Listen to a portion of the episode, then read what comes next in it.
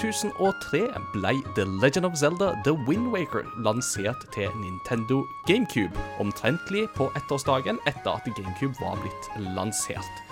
Dette spillet i Zelda-serien har nå altså snart 20-årsjubileum, og har blitt en personlig favoritt hos mange Zelda-fans. Men det er ikke alle Zelda-fans som har vært like entusiastiske for spillet opp gjennom årene, og spillet var litt kontroversielt da det ble lansert. Så i den forbindelse med at spillet nå snart feirer 20 år, så har da jeg, Ingar Takanobu Hauge, fått en eh, forespørsel fra en av våre gjester som sa du, jeg har veldig lyst til å snakke om dette spillet. Og det syns jeg bare er kjempegøy, når folk har lyst til å nerde over ting og bare preike og invitere seg sjøl.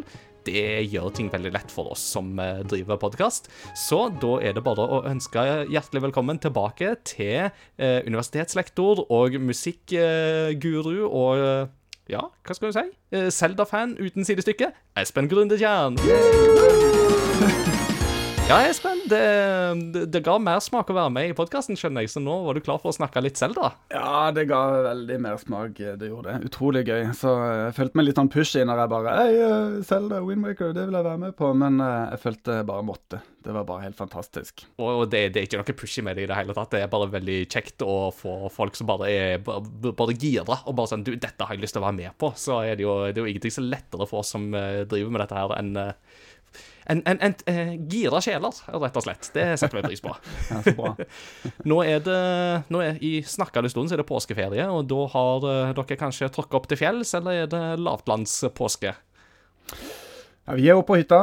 Uh, litt ovenfor Hovden, så, så her er det vel, ja, halvannen til to meter med snø i, på, på Flada. og en god del store snøfonn. altså. Det, det, det, er veldig deilig. altså. Det er skikkelig sånn skipåske. Med, vi hadde jo nydelig vær i går, så dette er ordentlig hyggelig. Ja. Mm. Det, det, er et sånn konsept rundt dette her med hva skal du si da, nordmenn som jeg aldri helt på en måte har skjønt, så kanskje du kan hjelpe meg med å få litt sånn oppklaring i. Dette har vi ikke planlagt, altså. Men eh, nordmenn bruker en hel vinter på å klage på at det er mørkt, det er kaldt, det er snø, de lengter etter sommeren. Så kommer påske, våren er i anmarsj, det er sol, det er liksom tendenser til at eh, våren eh, og varmen kommer, litt avhengig av år til år. I år så er det jo kaldt. Og hva er det nordmenn liker å gjøre da? Jo, de trekker opp til fjells for å få med seg siste rest av snø og vinter og kulde som de har klaga en hel sesong på. What's the deal with that? nei, vi er jo sånn tradisjonsfolk, da. Men nei, altså, det er jo, det er jo um, Ja, er, akkurat det der spørsmålet har jeg faktisk stilt meg sjøl et par ganger. Men, eh, men, det er noe med jeg sier det alltid sånn at det snø, det skal være på hytta. Og der kan det være snø så lenge det bare vil. Mens hjemme, mm. da vil jeg ikke ha snø. Da vil jeg mm. kjenne på sola. Jeg tror det bare er det, at det er sånn skille. At hjemme, da, vil, da er vi ferdige med slaps og drit. Og, ikke sant? For Kristiansand, det er jo det er jo ikke akkurat uh, en sånn snøby. Det, det er sånn der pff, snø i en liten uke, og masse snø, og så blir det sludd og slaps og holk og drit og lort. Det er jo ikke noe hyggelig. Mens på hytta er det liksom Du vet at da kommer du opp til bra forhold, det er masse snø, og det er koselig med skiturer. og ja, Så det, det er vel noe med det. Det er en sånn hyttekos. Mm. Så, jeg, eh, så, um, det som egentlig er på en måte den avgjørende faktoren her, er at jeg må få meg hytte. Da vil jeg få liksom det mentale endringer. Det er riktig. Det er riktig. Du må bare kjøpe deg det. Ja, vi får se når den tid kommer. Jeg har, aldri, jeg har sagt at jeg aldri skal eie hytte, men uh, hvem vet, når 40-årskrise og sånt kommer, så kan det jo hende at uh, den slags melder seg. Men det er ikke 40-årskrise vi skal snakke om i dag, det er 20-årskrise. Eller uh, tvert imot et spill som snart fyller 20 år, og det er The Legend of Zelda The Wind Waker. Nydelig overgang. vi skal snakke om. Ja, takk. Det, vi gjør så godt vi kan. Eh, så altså, The Wind Waker er jo da et spill som du da tydeligvis holder høyt i kurs, siden du jo ville snakke litt om det. Og jeg òg har da veldig gode minner til det, så da er det jo veldig gøy å snakke litt om det. Og normalt når vi eh, tar opp Retrospellauget-episoder, så er det jo sånn at da har vi jo spilt dette spillet i, eh, kollektivt i Retrospellauget, sammen og snakke om det i Discord og litt sånne ting. Eh, I dag så bryter vi litt med den formelen, så det er derfor vi kaller denne episoden for en spesialepisode. Eh, for nå bare snakker vi litt sånn retrospill, uten å på en måte ha vært liksom gjennom dette i en sånn kollektiv prosess. Eh, for de som da vil være med på Retrospellauget og spille spill sammen med oss, så er det da discorden vår som er stedet for det, og den finner du lenke til på crossovergaming.no, så har jeg lagt den ut. Men jeg tenker å holde litt på dette retrospillauget-formatet, og da er det jo alltid gøy å begynne med litt sånn intro om, eh, om spillet i seg sjøl. Uh, så du får bare pitche inn når du har uh, noe du vil på en måte skyte inn her, Espen. Så ja. skal ikke jeg bare kuppe dette her. Men Windwaker ble jo da utvikla av Nintendo sjøl. Det er jo en del av Zelda-serien. Og ble utvikla av Nintendo EAD, som da ble leder av AG Aonuma, som jo har vært leder for Zelda-serien siden Ocarina of Time. Uh, på produsentsida så finner vi Shigeru Miyamoto og Takashi Tezuka. Uh, mens designfronten ble, ble ledet av Yoshiki ha Haruhana. Til og med jeg kan slite litt med japanske navn av og til. uh, I tillegg så hadde du da Satoru Takizawa og Masanao Arimoto som leda det designarbeidet, og det skal vi jo komme litt gjennom. Musikken er da komponert av Kenta Nagata, Hajime Wakai og Toru Minigishi, med innslag av Koji Kondo underveis. Og dette var jo da det første store Zelda-spillet der Koji Kondo ikke hadde ene og alene ansvaret for eh, musikkomposisjonen av Zelda-serien. Zelda eh, The Wind Waker, sånn som jeg kjenner det i dag, ble først presentert på Space World, som var en stor spillmesse i Tokyo i 2001. Eh, og den var i litt sånn sterk kontrast til Zelda-demoen som ble vist fram på Space World året før. Det skal vi komme litt tilbake til. Selve spillet ble utgitt i Japan 13.12.2002. I USA kom det 24.3.2003, og i Europa kom det ut 2. mai 2003, som da var ett år etter GameCubes lansering her til lands. Her så kom GameCube ut 3. mai 2002. HD-versjonen den eh, på sin side for dette spillet fikk jo en HD-remaster på Wii U, som da ble lansert i september 2013 i Japan og USA, og 4. oktober 2013 i Europa. Og hvis dere er nysgjerrige på hva jeg syns om den versjonen, så ligger anmeldelsen faktisk på gamereactor.no. Så lenge har jeg skrevet for GameReactor. Dette er da det første Zelda-spillet som bruker cell-shading-teknikken i på en måte den tekniske motoren. Eh, det var derimot ikke det første spillet som benytter seg av den artworken som eh, ligger til grunn. For det var faktisk Four Swords-spillet som fulgte med A Link to the Past til Game Boy Advance, som kom ut i USA 2.12.2002. Så altså bare elleve dager før dette spillet ble lansert i Japan, så kom da det spillet ut i USA og benytta seg av den teknikken. Salgsmessig så var derimot dette Zelda-spillet en liten nedtur i forhold til Ocarina of Time, som jo var rekordholderen på det tidspunktet. Ocarina of Time solgte 7,6 millioner på verdensbasis, mens da dette bare solgte, bare i hermetegn, 4,6 millioner på verdensbasis. Så det var da en liten nedgang der. Uh, jeg tenker òg at uh, for de som hører på, så kan det jo være gøy å gå litt gjennom historien i dette spillet. For dette er jo et plottdrevet spill. Og naturlig nok, det blir spoilere i denne episoden her, så hvis du aldri har spilt The Wind Waker og har lyst til å spille det en gang i framtida, så skru av episoden nå, og så kommer du tilbake en gang senere. Uh, men dette er jo et veldig gøyalt spill. For det, Innledningsvis så begynner det jo med en slags sånn slideshow eh, der de forteller en legende om begivenhetene i Ocarina of Time. Om hvordan en grønnkledd helt beseirer de onde kreftene um, i Hyrule i sin tid. Men så forteller denne her fortellingen om, om, hva som skjedde i tida etter Ocarina of Time. For da begynte onde, de onde kreftene å komme tilbake. Og Ingen grønnkledd helt var å spore den gangen, og folket sendte sine bønner opp til gudene, og hva som skjedde med det riket, det vet man ikke helt.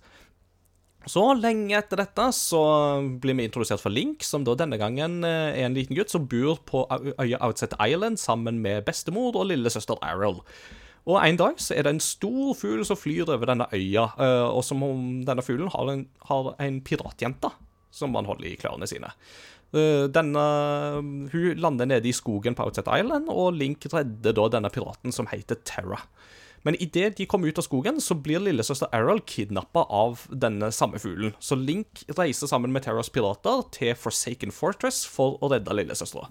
Og Der viser det seg at den onde Ganondorf holder til på fortet, eh, der han kidnapper unge jenter med lange, spisse ører, som jo da, for de som har spilt litt Zelda før, vet at det er en sånn fysisk karakteristikk for Hylians, det folkeslaget som bodde i Hyrule. Link blir uh, sjøl tatt av den store fuglen og kasta på havet, men da blir han redda av en snakkende båt, en rød båt som heter The King of Red Lions.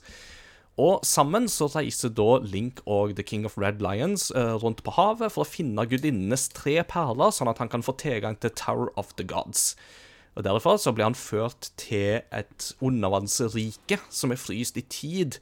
Eh, og der finner han Master Sword. Og idet Link trekker opp dette sverdet, så det, våkner dette riket opp til live igjen. Da er det ikke lenger frosset i tida. Eh, så drar Link tilbake med Master Sword og drar tilbake til Forsaken Fortress, og da redder han uh, Arrow sammen med Jeg sa feil i stad. Jeg sa jo at piraten heter Terra, men hun heter jo Tetra. Eh, så det var jo helt feil. det nikkes her. Eh, Tetra er riktig svar. Eh, sånn går det når du ikke akkurat har spilt spillet ganske nylig. Link og Tetra de redder Errol, men Master Sword viser seg har mista sin kraft og klarer dermed ikke å slå Ganondorf.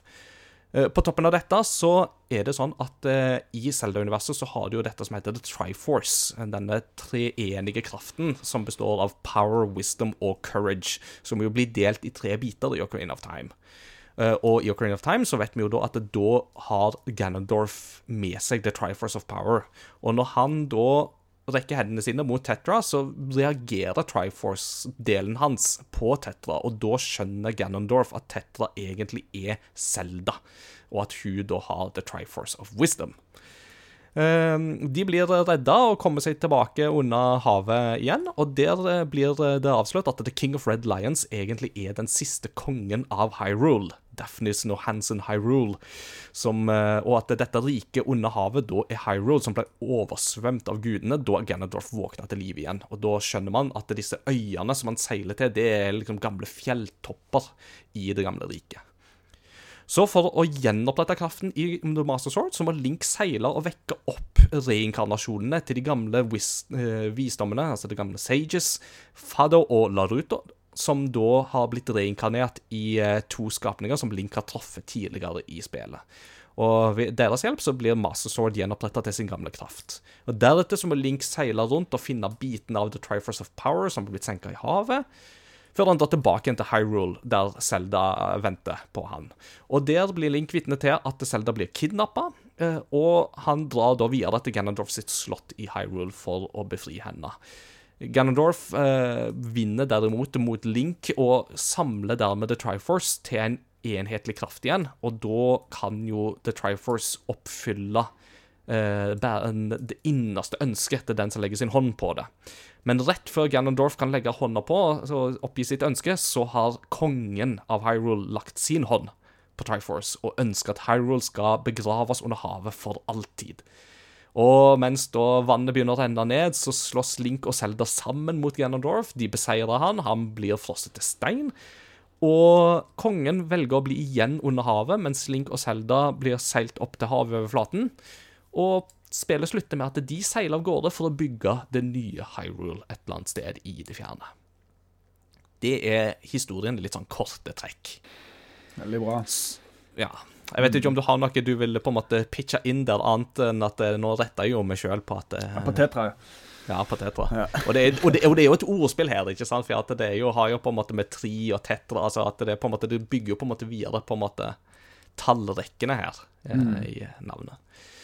Men uh, vår historie med dette spillet er jo alltid litt gøy å ta for seg i disse episodene. Så Espen, du ja. var jo veldig gira på å snakke om The Wind Waker. Så hva mm. er liksom ditt forhold til dette spillet spesifikt? Og kanskje også litt sånn Zelda-serien generelt. Hvor var du på en måte i livet da, da dette kom for 20 år siden?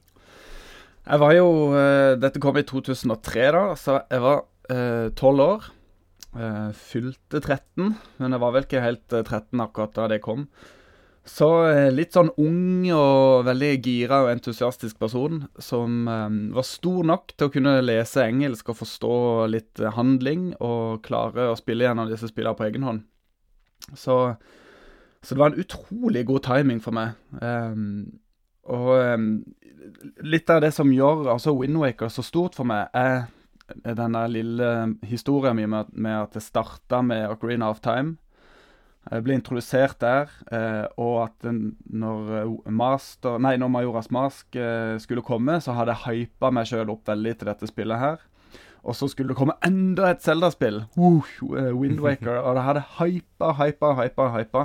Og jeg fulgte med på alle de du nevnte de innledningsvis òg her, disse her demoene eh, og showcasene til Windwaker. Det ble helt sånn der, eh, Så, så den, den opphypinga til det spillet var helt sånn enorm for meg. Jeg husker hver dag, Jeg hadde sånn kalender hvor jeg kryssa dagene til, til release date for å spille dette spillet.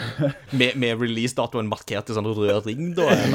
Ja, ja, nærmest. Nærmest det. Og, og GameCube-konsollen var jo òg, og er fremdeles, en av mine favorittkonsoller. Mm. Så, um, så det, det, er liksom så mange faktorer her som bare er perfekt for meg, uh, med, med, timing og hele pakka. Uh, vi kjøpte jo GameCube-konsollen uh, på release date da den kom, med Luigi's Mansion, og så tror jeg det var så tror jeg det var dette her Star Fox Adventures det kom. Ja. og den grafikken som det grafikkhoppet fra 64 til GameCube der var jo så enormt og helt sånn der mhm. satt ut. Jeg husker jeg ble så satt ut av den der pelsen på Fox som, mm. som bevegte seg. Ja, De hadde animert inn det uh, til Star Fox. Uh, så, så, um, så det, det, kunne jo bare bli bra, dette her med et nytt Zelda-spill her. Så uh, vi Jeg sier vi, for dette meg og min bror var litt sånn parallelt oppi dette. Han er fire år eldre, så men, mm. men vi forhåndsbestilte dette. Uh, altså Windwaker. Uh, eh, og uh, da det kom, så fikk vi jo også denne her Denne disken med Ocarina of Time og Master Quest. Mm. Som du mhm. kunne spille. Så det òg var en sånn der gledesøyeblikk å spille Master Quest på GameCube. Ocarina of Time på GameCube-kontrollen. Med mm. litt, bedre, litt bedre bilde og hele pakka. Mm. Så, Fortsatt um, kanskje den beste versjonen av det spillet, teknisk sett. Hvis du ikke skal gå på en måte til 3DS-remaken, så tror jeg kanskje at dette er på en måte en av de bedre portene av det spillet. Ja, enig. Jeg spilte jo Green of Time også på, på Switch nå nylig, med, mm. med sønnen min. Uh, og det funka fint, det, altså. Men, uh, men, ja, jeg er enig i det. altså, at den der, for Akkurat som de hadde fjerna litt av den uh, foggen og gjort mm. litt mer sånn sikt på, på GameCube-versjonen der. Mm. Så um, Nei, veldig bra. Um, ja. Nei, så, så, er jo Windwaker et veldig sånn kontrast til Majoras Mask, som jeg òg opplevde veldig fint. Jeg elska Majoras Mask forresten sjøl da mm. spilte det. Det var helt sånn helt hypa. Uh, men, men uh, Windwaker har en mye mer sånn lystig tone, mer um, lystig type musikk. Uh, enklere rytmiske arrangementer, enklere um, mer lystige motiver, og grafikken er mer sånn lystig og cartoonaktig, ikke så mørkt. Mm. Uh, og så synes, uh, så, var, så det passa veldig fint også for min del, som var relativt ung da, liksom, inn i en sånn lystig, deilig verden. Mm. Uh, ja.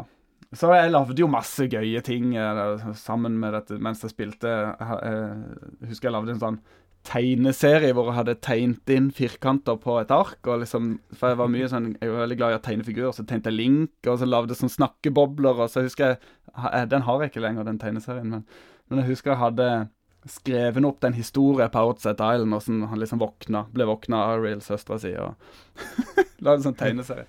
Skikkelig nerdy. Ja. ja.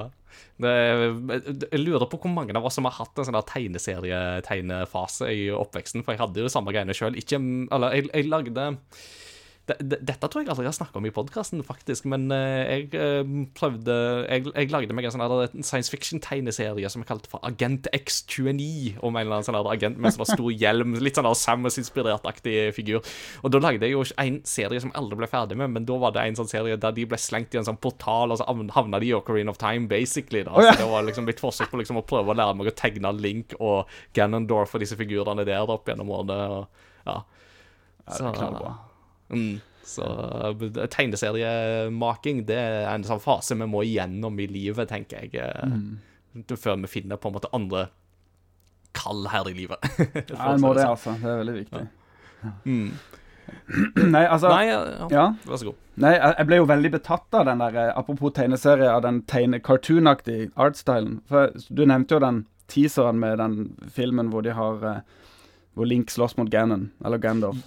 Ja, riktig. Det var jo på Spaceworld 2000 så ble jo den eh, presentert. Det var jo en sånn demo som de lagde for å liksom vise litt hva GameCube kunne få til sånn grafisk, og det virka jo som en sånn hva skal jeg si, next gen-variant med veldig sånn hyperpolert, realistisk framstilling av Lincoln Ganondorf, sånn som vi kjente de fra Ocarina of Time, samme type artstyle og sånt. Og folk var jo helt i hundre da de så det, for det var jo kvantesprang, vet du, i på en måte grafisk teknologi, og hvordan det så ut, og det var mørkt og kult, og det var mm. action og greier, greier. Og så et år seinere så kom da en demo som hadde en helt annen grafisk eh, stil, med en tegna link eh, som var liksom liten, og eh, hadde veldig, veldig markert gul lugg, og det var en sånn der Så jo ut som en sånn tegnefilm i praksis, ikke sant, men det var langt ifra denne hyperrealistiske, mørke greiene som du hadde sett før, og det var jo veldig delt hva folk syntes om, om det, da. Ja, jeg, jeg jeg husker jeg ble veldig overraska av det der. Uh, men uh, jeg likte det veldig godt. Jeg husker jeg så den demoen altså så mange ganger. Den, um, når, når, Link blir jaga av disse her griseaktige krekene. Jeg husker ikke helt hva de heter nå, disse, disse fiendene. Men de med det lange spydet. Ja, ja, ja, riktig, riktig. Er ikke det Moblins? Jo, det er Moblins, ja. Um, og når de, ble, de jager Link, og så og så uh, kommer de til en sånn stup hvor de plutselig stopper sånn i løse lufta, og så kikker de rundt seg, og så begynner de å grine. Og så 'Å nei!' Brrr, prøver alt de kan for å holde seg, og så faller de ned. Og så ser du bare avslutter Link med det der, eh, ser inn i kameraet og blinker med et øye. Og det er, jo, det er jo litt morsomt, for da får du det der hintet til alle de der eh, ansiktsuttrykkene til Link, som er mm. en sånn ny ting med dette spillet. Som de allerede mm. da teaser bitte litt. Grann. Ja, og, og, det er jo en sånn ting som er på en måte ganske imponerende for det spillet da det kom ut, var jo det at Link var ekstremt uttrykksfull i ansiktsanimasjoner, som du nevner, med Altså, Én ting er jo bare det at han har så mange ansiktsuttrykk å operere med, men en annen ting er jo det at det bare sånn som så øynene hans for eksempel, følger jo på en måte interessepunktene han går forbi. Altså, det, du, Hvis du har panorert kameraet riktig vei, så, så, ser du jo at Link ser på ting i nærheten. For eksempel, hvis han går forbi en bombeblomst, for eksempel, så kan du se at blikket hans går ned til bombeblomsten. Mm. Og det er jo mm. sånne ting som bare For den tida der, så er jo det en sånn ganske nyskapende, veldig innovativ eh, ting å gjøre. Ja, og bare òg det at eh, du faktisk hadde liksom full kamerapanorering i dette spillet her, som jo overgikk og Både Crane of Time og Majora's Mask var jo veldig deilig eh, eh, i sin tid, altså. Det, det, var det jo. Ja, helt enig. Også den, det der som du sa med at øyet følger motivene, det var jo òg en sånn ting som gjorde at eh, puzzles ble bitte lite grann enklere. For dette, mm. da kunne Link pinpointe de der tingene du måtte hen og gjøre. ikke sant? Det var en bombe der du ikke så. OK, nå ser jeg Link ser den veien, hva er det som er der for noe? Oi, det er en bombe, ja, den må jeg kaste. Mm. Så det er en sånn morsom måte å og eh, at eh, Ja, at det liksom Link som karakter i spillet eh, hinter litt til deg da, på hvordan du skal ja. løse ting. Det er en mm. morsom greie. Og så Du sa det med, med kamera, med C-stick. For det er jo en av de tingene som fremdeles er helt up to date, føler jeg. Altså gameplay, åssen det spillet uh, er å spille, rett og slett, med at du har um, du kamera på C-stick, Z-target Eller nå sier jeg Z-target fra, fra 64. Hva blir det? Blir jo, nei, men det er vel Z Det er vel Z der da? Er det ikke L-target? L-target er det vel, ja. ja L er det vel ja. ja. Riktig, riktig. Men, ja, men liksom måten Altså, gameplay der er jo uh, utrolig bra.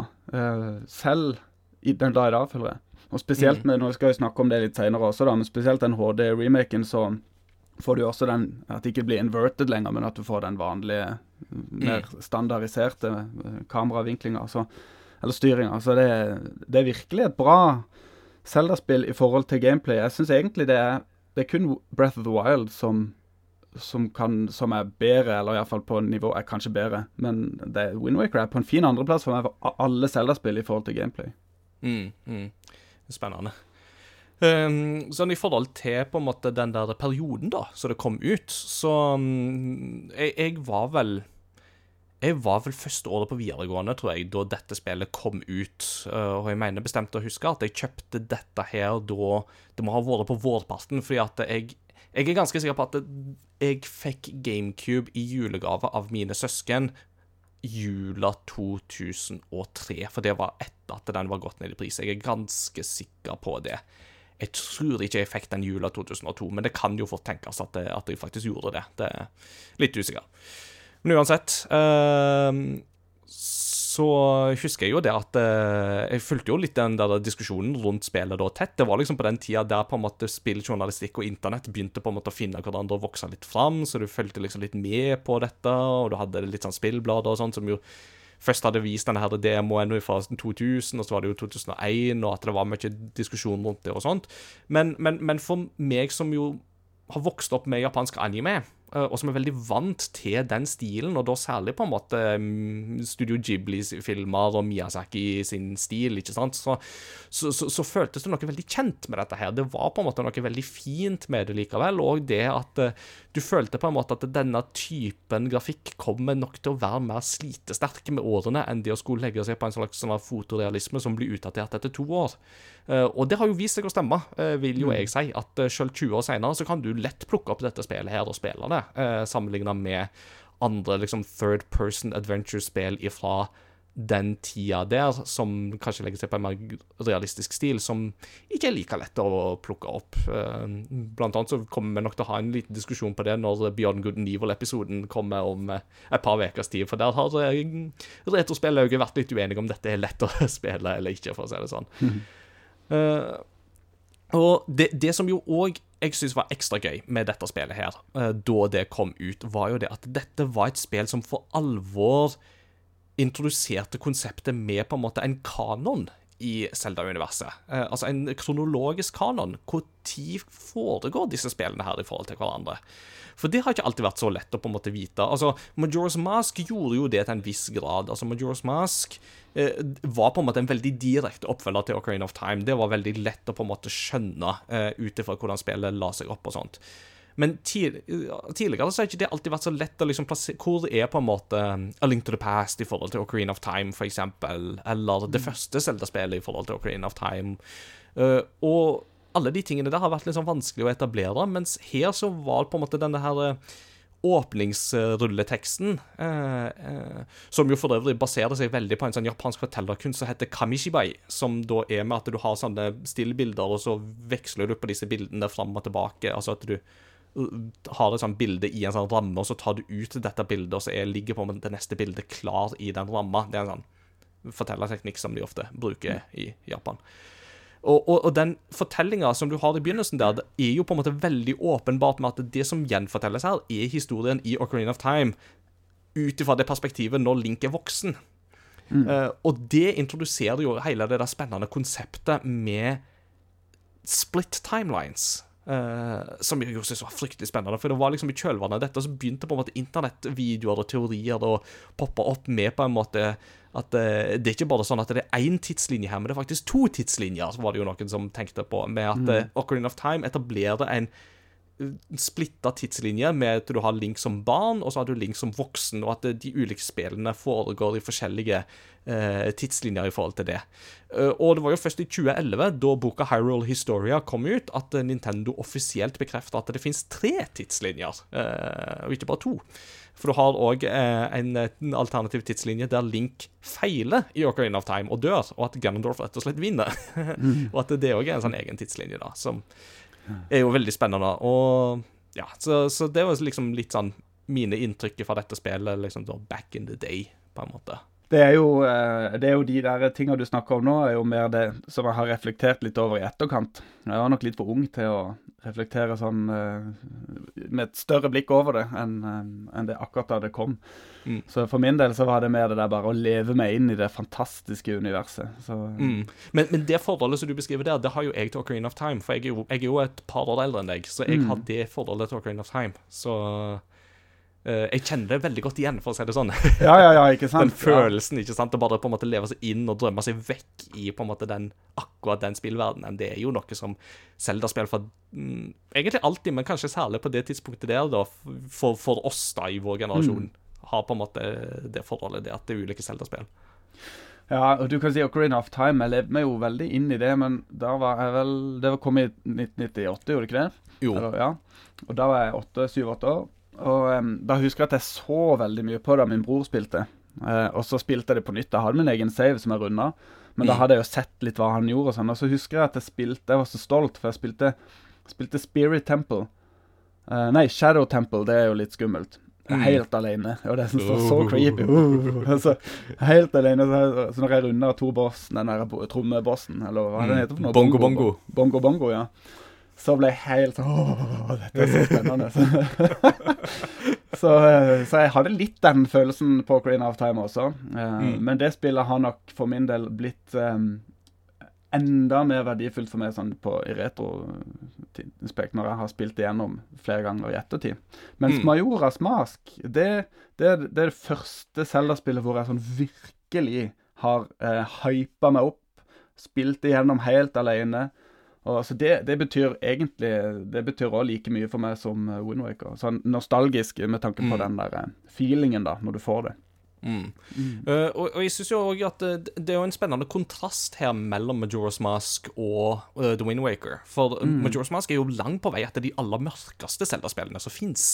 Uh, med at du har jo denne her, denne her syklusen med 72 timer som går igjen og igjen, og denne måten som henger over deg og hele tida truer med å falle i hodet. Og mm. litt òg med holdt på å si, den der fatalismen som på en måte preger spillet òg, med at uansett hva du gjør, så vil på en måte ting alltid blir reversert, og så vil folk alltid ha det samme problemet igjen når du har dreist tilbake i tid. At folk er på en måte skjebnebunden til å på en måte gå i de samme ulykkene igjen og igjen og igjen. Og liksom, når du dekonstruerer det spillet, så er det jo ganske sånn mørkt og dystert.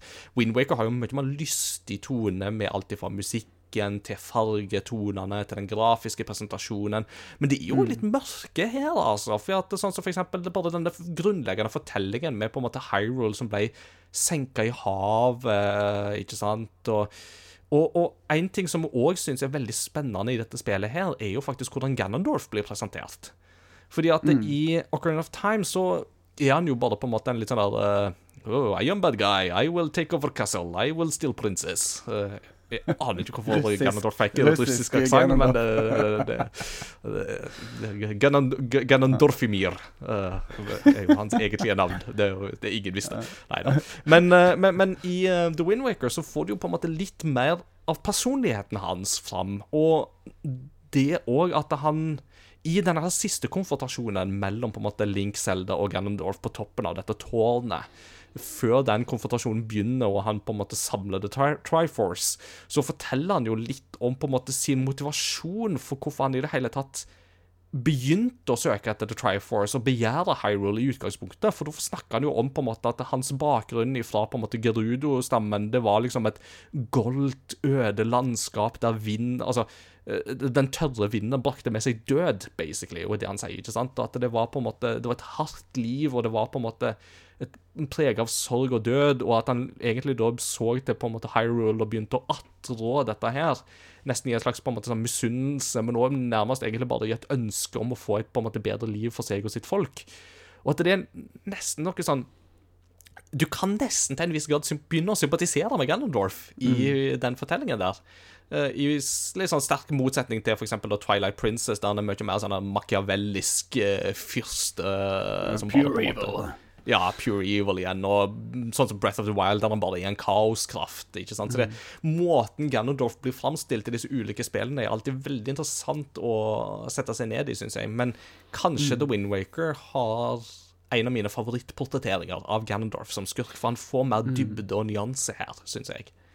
Og det er litt sånn eh, en, eh, jeg føler du kan koble den koblinga litt over i Windwaker-spillet generelt. Det der med kontrastene. For du kan nesten synes synd på Ganondorf, men samtidig så er han jo en sinnssykt ond person.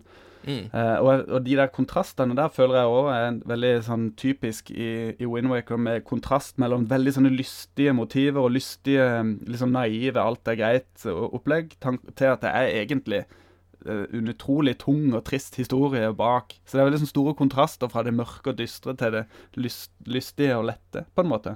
Mm. Det er en sånn kontrastfullt uh, spill, sånn sett. Så, um, men det er veldig morsomt, den, den koblinga fra, fra Majoras Mask, som har Um, det der med at du kan reise tilbake i tid hele tida, uh, betyr jo at du kan gjøre ulike handlinger på ulike forskjellige tidspunkt. Du kan velge litt. Nå, nå vil jeg ta, gjøre den maska, eller nå vil jeg ta den maska. Du kan velge hvilken rekkefølge du skal gjøre ting på. Det er nesten litt sånn open world-aktig. Mm. Uh, ikke så veldig lineært uh, på de der vanlige små sidequestene. Mm. Mens Windwaker er, er egentlig et utrolig lineært spill storymessig, eh, Mm. selv om det åpner opp med dette at du kan seile til alle de ulike øyene og utforske forskjellige ting, så der er det jo litt åpent. Men selve storyen er utrolig lineær, egentlig, der. Mm. Du må følge en rekkefølge.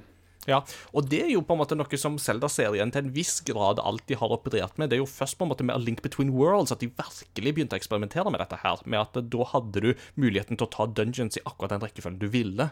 For da hadde du han eh, Ravio som uh, setter opp shop i butikken til Link, for han er så takknemlig for at Link redda livet hans, så han skal sette opp en butikk i huset til Link.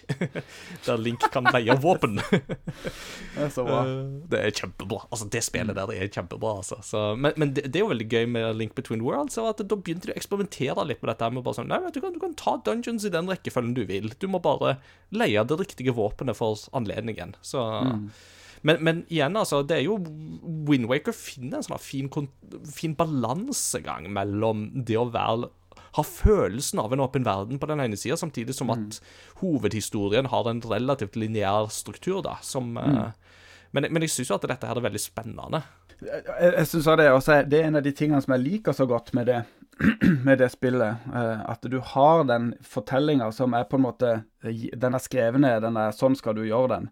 Men allikevel så kan du utforske og gjøre masse forskjellige ting. Um, og så uh, Jeg kommer litt tilbake til det punktet der eh, etterpå. Men det, det som er litt sånn gøy, en sånn liten fun fact her, er jo at eh, når du seiler fra øy til øy, og du er i det store, store havet, så, så er det jo sånn autoloading fra når du kommer til de ulike øyene. Så egentlig så kan du jo Det er et vanvittig stort område som du kan seile til uten cuts, eller uten sånne cutscenes eller loading scenes. Mm. Og det er jo litt nytt, egentlig, eh, med å ha så store, åpne områder. Ja. Eh, og det løste de utrolig fint med den der seile-greia, at, du, du kunne, at, at de fikk tid til å loade mens du seila. Mm. Um, og så husker jeg jo at det var litt sånn skriverier om det der hvorfor Nintendo ofte hadde disse kassettene og ikke CD-er, sånn som PlayStation hadde. Mm. Mye av argumentene der skjønte jeg jo var det pga. loading time, at det gikk mye fortere å loade, blant annet. Um, men det var jo en litt sånn morsom ting med GameCube-diskene som var så små. For da husker jeg at det, det var òg uh, For de alltid er sånn sær på det, hvorfor kan de ikke bare ha en DVD, liksom? Mhm. Men, uh, men det var òg litt på grunn av at da uh, forsto jeg da uh, at uh, Larsson hadde kortere vei å bevege seg. At det ble Mm. mindre loading-tid, uh, rett og slett pga. mindre vei for laseren å gå. Mm. Eh, som er en sånn morsom eh, greie, da. For det var mye, mye eh, fokus på det med loading. Så egentlig så er det jo kun når du går inn i hus at du må loade. Mm. Eller eh, Eller eh, eh, Ja, det er vel egentlig nesten bare det. Ja, hoppe ned i et hull for å hoppe Ja. inn i en slags dungeon eller lignende. Altså, det, Mm. det er veldig få på en måte svartskjermer som på en måte indikerer en lastetid, og selv de sekvensene går jo ganske fort. Mm. eh, i dette spillet, Så det er jo noe med på en måte den presentasjonen som gjøres her, er jo veldig smooth. Og det at dette spillet åpner faktisk for på en måte at du kunne veksle mellom 50 og 60 bilder per sekund. Altså at du kunne jo veksle mellom 50 og 60 hertz. Presentasjonen var jo òg veldig, veldig genialt, egentlig. For dette var på en måte på den tida der eh, spillmediet begynte å løsrive seg fra dette her veldig strenge skillet mellom NTC og PAL-varianter, der da spill som f.eks. The Wind Waker kunne gi det Ja, du kan ha det i 50 hertz, sånn som du har pleid å ha det, hvis du kun har TV som støtter det, men hvis du har en TV som støtter høyere bildefrekvens, så kan du sette det til 60 bilder per sekund. Og det er jo sånn Når du spiller dette, så får du en utrolig fin flyt i dette spillet, blant annet å sammenligne med Ocarina of Time, som jo, eh, til tross for å være liksom et av tidenes beste spill, det har jo en relativt lav bildefrekvens eh, og, og sånt, da. Og så er det jo klart at, at dette her med piratkopieringssikring og sånne ting var jo òg på en måte ting som spilte litt inn i hva medieformat de valgte. Men absolutt noe med dette her med at de mini-DVD-ene som de brukte, ga en mye kjappere respons. Det, det tror jeg er helt, helt riktig å anta, altså.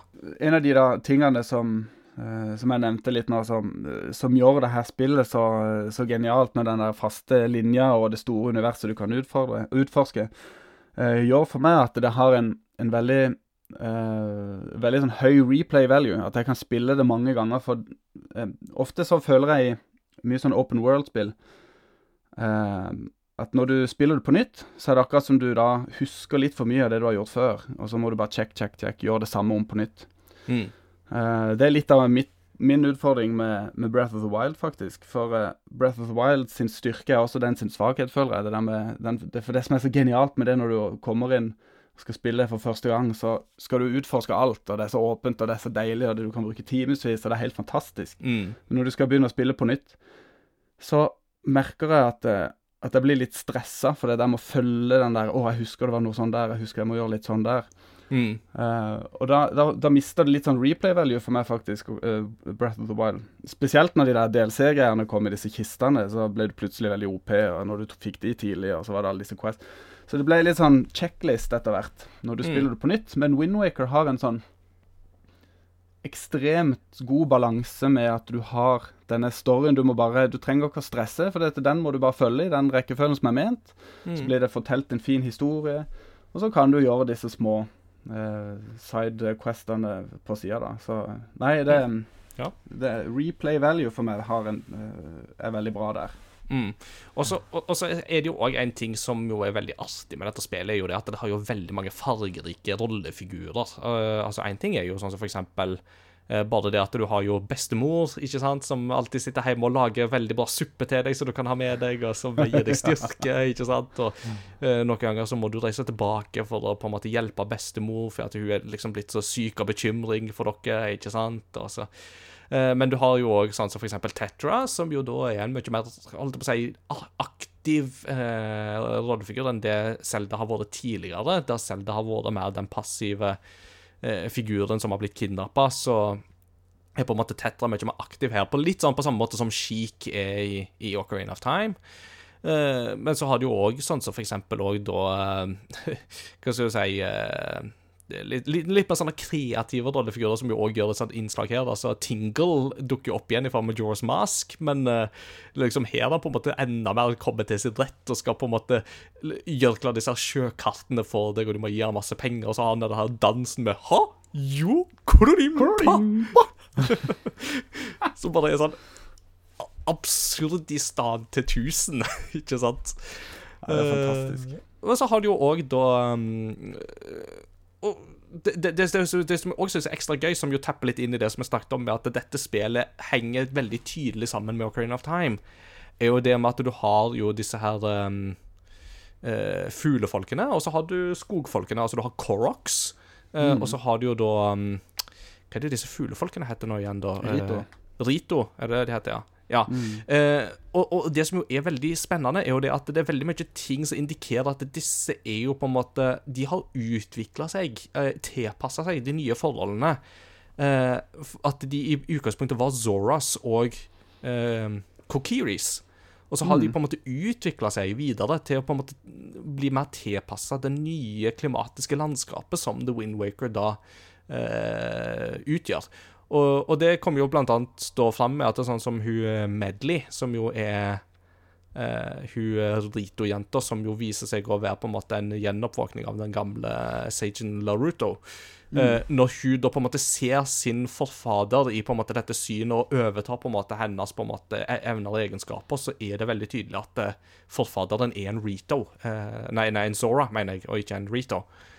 Så, og, på samme måte også med Fado og um, Makar, eh, der de òg er på en måte den ene er en Kokiri, og den andre er en Korok. eh, og det at de lærer seg disse tingene. Så det, det er en sånn veldig spennende ting i hvordan du på en måte tapper inn i dette universet og videreutvikler det da på en sånn spennende måte. Mm. Og så kan sikkert evolusjonsbiologer rive seg i håret over at ja, men det går ikke så fort. det går Det er ikke så mye som er realistisk i disse spillene. Altså. For bare liksom det faktum at dette kongeriket blir begrava i havet, det liksom nei, det, det går fint, det tenker vi ikke på, men dette, nei. det- Det er det verste, liksom. Uh, Ja, nei, det er veldig bra. ja. Eh, Hvis vi frislipper samtalen litt nå, snakker både Mm. på en måte om på en måte litt de der tekniske aspektene, vi legger på en måte vår holdt på å si, bakgrunnshistorie vi spiller bak og så snakker litt om Windwaker anno 2023, eh, Mm. så lar vi liksom samtalen gå litt fritt rundt det. Men altså, hvordan hva, hva tanker har vi liksom når vi ser på Windwaker i 2023? Hva er liksom ting ved spillet som vi på en måte biter oss merke i, og hvordan oppleves det å spille spillet i nyere tid, eh, tenker vi eh, da. Hva, hva tanker vil du på en måte begynne med, med der?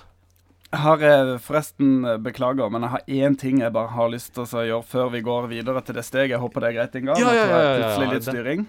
Det, dette går Fordi helt fint. jeg har nemlig funnet fram en gammel perm. Ja, Som, ja, ja, ja, ja, ikke sant? Eh, som er litt gøy. For eh, jeg lagde nemlig min egen Den heter Jeg har tegna link på framsida av permen. Den heter eh, Den skriver 'Velkommen til min Nintendo GameCube-perm'. Så har jeg tegna link, og så har jeg tegna GameCube. Og i denne permen så har jeg eh, masse bilder av de ulike spillene jeg hadde på GameCube. Og uh, ulike typer sånn der Wavebird-kontroll og den der Panasonic-miksturen av GameCube-greier som kom. Og masse forskjellige greier. Så her har jeg, har jeg ja, sikkert 30 sider, 30 ark, hvor jeg har skrevet litt anmeldelser og diverse ting av spill. Og det gjorde jeg jo da for 20 år siden, da, da disse spillene kom. Wow. Så har jeg noen ja, Og den har jeg liggende ennå. Så dette arket her er 20 år gammelt. Og her har jeg noen anmeldelser som jeg skrev av Windwaker da jeg var 13, 12-13 år. Jeg må ha vært 13 da, jeg tipper det. Oh. Jeg hadde litt lyst til å lese noe av det her opp, for jeg følte jeg på en måte catcha noen poeng allerede da. Og i forhold til den overgangen til anno 2023, så føler jeg dette passer fint. For da kan vi se litt hvor eh, mye av disse poengene jeg påpekte da, fremdeles gjelder dem den dag i dag. Dette, dette er gull for en spillanmelder som meg å bare få uh, tappa inn i. altså, Så kjør på. Dette blir, dette blir et høydepunkt. Nå, Ja, nå må vi høre. jeg har tre ark her, så jeg får bare ta det fra starten. Gjett om jeg ble glad når jeg fikk Selda den 29. i 4. 2003. Da var det nesten ikke lekser eller skoleting som gjaldt. Nei da, det var Selda. Å, for et spill. Jeg syns at grafikken er helt nydelig i dette spillet. Små detaljer kan gjøre et spill så stort. Eksempel, det drypper av klærne når det regner, eller når man har vært i vann. Jeg vedder på at det fins iallfall over 15 forskjellige ansiktsuttrykk i spillet. Musikken på dette spillet er helt genial. Den får meg til å leve meg inn i spillet. Det passer bare helt perfekt. Personene på spillet har heller ikke egne stemmer, bare rop og latter og forskjellige rare lyder. Eh, For å være helt ærlig er jeg glad for at Link ikke har stemme. Spillkontrollen syns jeg er helt perfekt. C-stikken etter kamera, A etter gjørting, B etter sverd, R etter skjold, L etter å låse seg fast på fiendene, X, Y og Z etter ting du kan bruke. Utfordringa er veldig bra. Spillet inneholder ganske mange puslespill og krever en del tenkning. Fiender er ikke lette. Hvis det kommer f.eks. fire Nights, da kan du få et lite problem. Fiendene står ikke bare stille og venter på at du skal komme. Nei da, de angriper deg uansett hvor mange det er som kommer. Litt vanskelig å få alle tingene fordi det er så mange skattekart, og det synes jeg bare er bitte litt dumt. Jeg synes at Zelda-spillerne har en perfekt type spilltype. Jeg synes at det er bra at ikke de har forandra spilltypen i Zelda Wind Waker. Det var første. Jeg synes det er noen morsomme punkt. Det der med det drypper fra klærne. Eh, og at det der med at det ikke det, alle fiendene kommer og angriper deg samtidig. Mm. Det er jo noen ting som, eh, som var litt nytt på den tida. Ja, ja, ja. Det, her er det mye å ta tak i.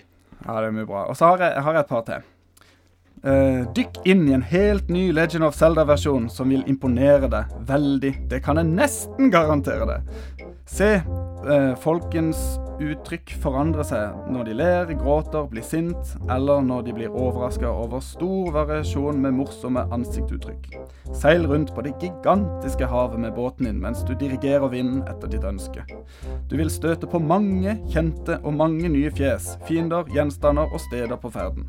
Ta i bruk nye hjelpemidler som klatretauet, kikkerten og kamera, sammen med kjente utstyr som pil og bue og bumerangen og hammeren. Du kan samle skattekart og dra ut på jakt etter penger og hjertebiter. Du kan koble Gameboy Advancen og be Tingle om å hjelpe deg med sine bomber. Så han har flere funksjoner, ikke bare tyde kart. Det hadde jeg glemt. Veldig bra. Og så har jeg en siste her, og det heter den jeg kaller anmeldelse med to utropstegn bak. For der har jeg nemlig kategorisert inn i grafikk, lyd, spillkontroll, utfordring, langvarighet og spilltype, og gitt karakter fra null til ti. Wow. Eh, og da skriver jeg en liten sånn der, eh, notis her. I det nye eventyret i Zelda-serien befinner Link seg på en liten og rolig øy hvor han bor. En dag ser Link en stor, fryktelig fugl som kidnapper Links yngre søster Iril og flyr av gårde med henne. Link følger etter så fort som svint. Slik begynner eventyret som vil sende Link ut på det hvite havet, letende etter eh, sin søster og gåten om kidnapping. Etter å ha redda Linksøster Arild, har han fått et nytt oppdrag om å drepe den onde mannen Ganondorf før han får tak i hele Triforcen og overtar Hyrule. Og så har jeg skrevet 'glede' med to utropstegn og strek under. og da har jeg gitt grafikk ti av ti. Jeg har gitt lyd ti av ti. Spillkontroll, eh, det må jo være gameplay, ti av ti. Og utfordring ni av ti. Selv om jeg syns det var litt vanskelig når fire nights kommer samtidig. Mm. Langvarighet 9 av 5. Nei, 9,5 av 10. Uh, spilltype 10. Ja. Så uh, der har vi den, altså. Min uh... Wow! Herlighet. Det er jo nesten sånn at uh, verden har gått glipp av noe av at du ikke har på en måte pursua denne her spillanmelderkarrieren i etterkant. For det, hvis dette her var i en alder av 13 år, så er jeg mektig imponert, altså. Det ja da, det var gøy, det. Men det var, det var du kan si jeg har, jeg har, jo Jeg leste masse anmeldelser der, så mye av det her er nok eh, litt sånn egne ord, og, men, men, mye basert på det som andre anmeldere skrev og sånn, men ja, ja. Altså, bare den her rangeringa med på en måte grafikk og kontroll og alt dette her. Altså, jeg, jeg, jeg mm. syns jo på en måte at jeg hører liksom litt av disse her rangeringene til Club Nintendo-bladene som jo var på den tida der, så jeg vet ikke om det er noe Om du, om du hadde de, eller om det Ja, du har nok fryktelig rett i det. Du har nok det, altså. Og alle de der eh, Nintendo-magasinene, ja, Nintendo GameCube-magasinene, vi har jo bunker av de oppe på loftet. Med, oh, magisk, det, er altså. så, det, det, er magisk, ja. ja, ja, ja. Uh, mm. En sånn sideanbefaling der, men jeg har jo begynt å abonnere på Retrogamer fra uh, Storbritannia, som jo da er mer sånn retrofokusert spillmagasin, men da er det jo på en måte det å bare ha litt sånn fysisk blad i hånda igjen, det er litt sånn kjekt, det, altså. Så du kan jo velge om du vil ha digitalt eller med blad, eller både digitalt og blad, og så, ja. Så, så, det kan anbefales hvis man savner det i en litt sånn moderne take. så. Ja, nice. Jeg savner egentlig det. altså. Generelt det der med å ha noe fysisk å bla i, mm. syns jeg er veldig fint. For eksempel disse her bookletene som fulgte med spillet. ikke sant? Når, ja. Husker Ocarina of Time, den bookleten, du kunne se alle gjenstandene du hadde. Den var jo helt slitt ja, ut. Ja, hadde jo artwork i, i seg, ikke sant. Og, ja. Mm. Uh, nei, vi må få Du må sende et par bilder av denne her permen din etterpå, så må vi legge det med uh, episoden i Discord når dette publiseres på Discord. Så uh, kan folk sjekke det ut der, for dette er gull, altså uh, nei, det var, det var, gøy. Det var kjempegøy. Mm. Men utrolig mange poeng som du er inne på der. da. Så, så for eksempel bare det der ikke sant, med på en måte at klærne drypper når du kommer ut av vannet. ikke sant? Altså, bare det, var mm. jo, bare det i seg sjøl var jo på en måte en sånn ting, ikke sant? Og at det, det var jo ikke alle spill som kunne skimte med det på den måten der. Og ja, ansiktsuttrykk har du vært inne på, ikke sant? Mm. Og ja, utfordringer med uh, hvordan på en måte fienden tenker her. Og, mm. altså, det er jo bare én vanskelighetsgrad i dette spillet, her, men eh, det er på en måte en vanskelighetsgrad som jeg føler er på en måte veldig godt balansert da, mellom å være for enkel på ene sida og samtidig ganske utfordrende på andre sida, hvis du ikke helt vet, vet, hva du gjør. da. Enig.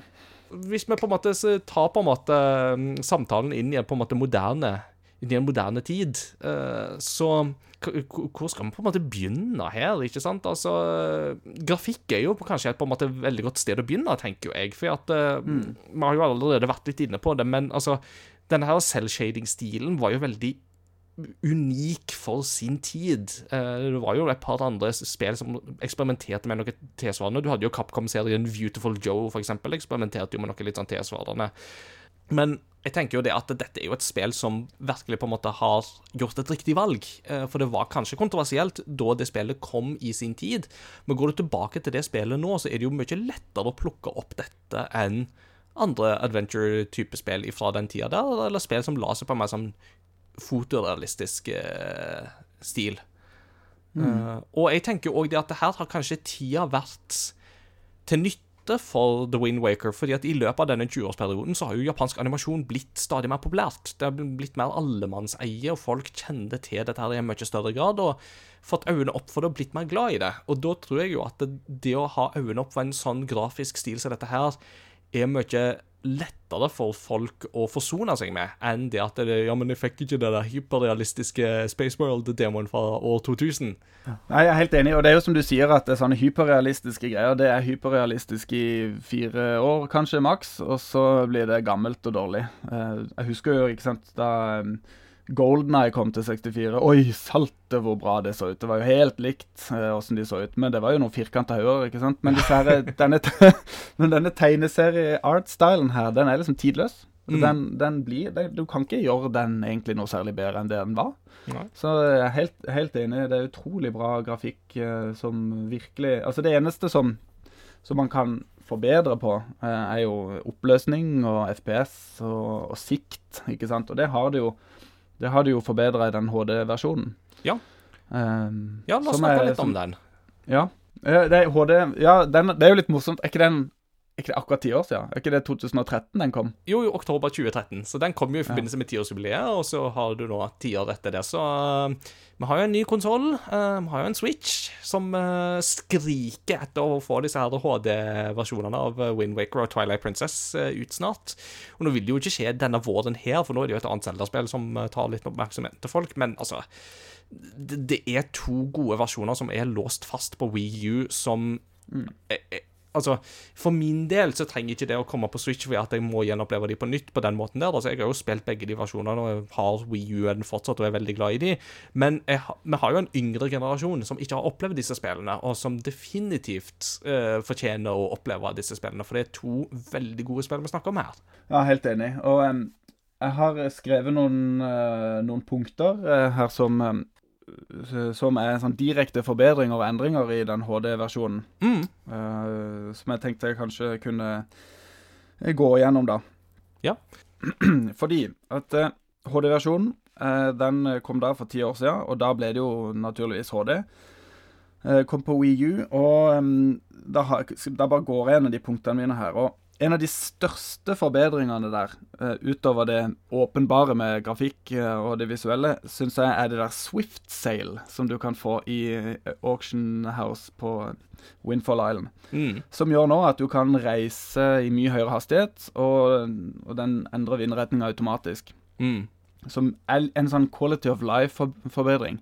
For jeg føler quality of life er det, det er viktig i Mm. moderne spill. Ting skal være litt mer peisa, og det skal være gøy og lett å spille. Du skal ikke frustrere seg over, over sånne ting. Så, men det er jo klart, det der gamle seilet var jo Jeg spilte jo det mange ganger, tenkte aldri over at det gikk treigt, men, men i dag, ikke sant, hvis du skal få det mer aktuelt, så må man opp litt i, i den der Mm. peisen på de Ja. tingene. Og det er jo en ting som jeg jo ikke har vært inne på, men det er jo dette her med at en av de sentrale mekanikkene i dette spillet er jo The Wind Waker, altså denne taktstokken som jo Link må bruke for å traktere ulike mm, melodier og sånt, og den mest sentrale der er jo den melodien som jo da gjør at du styrer vindretninga, ikke sant?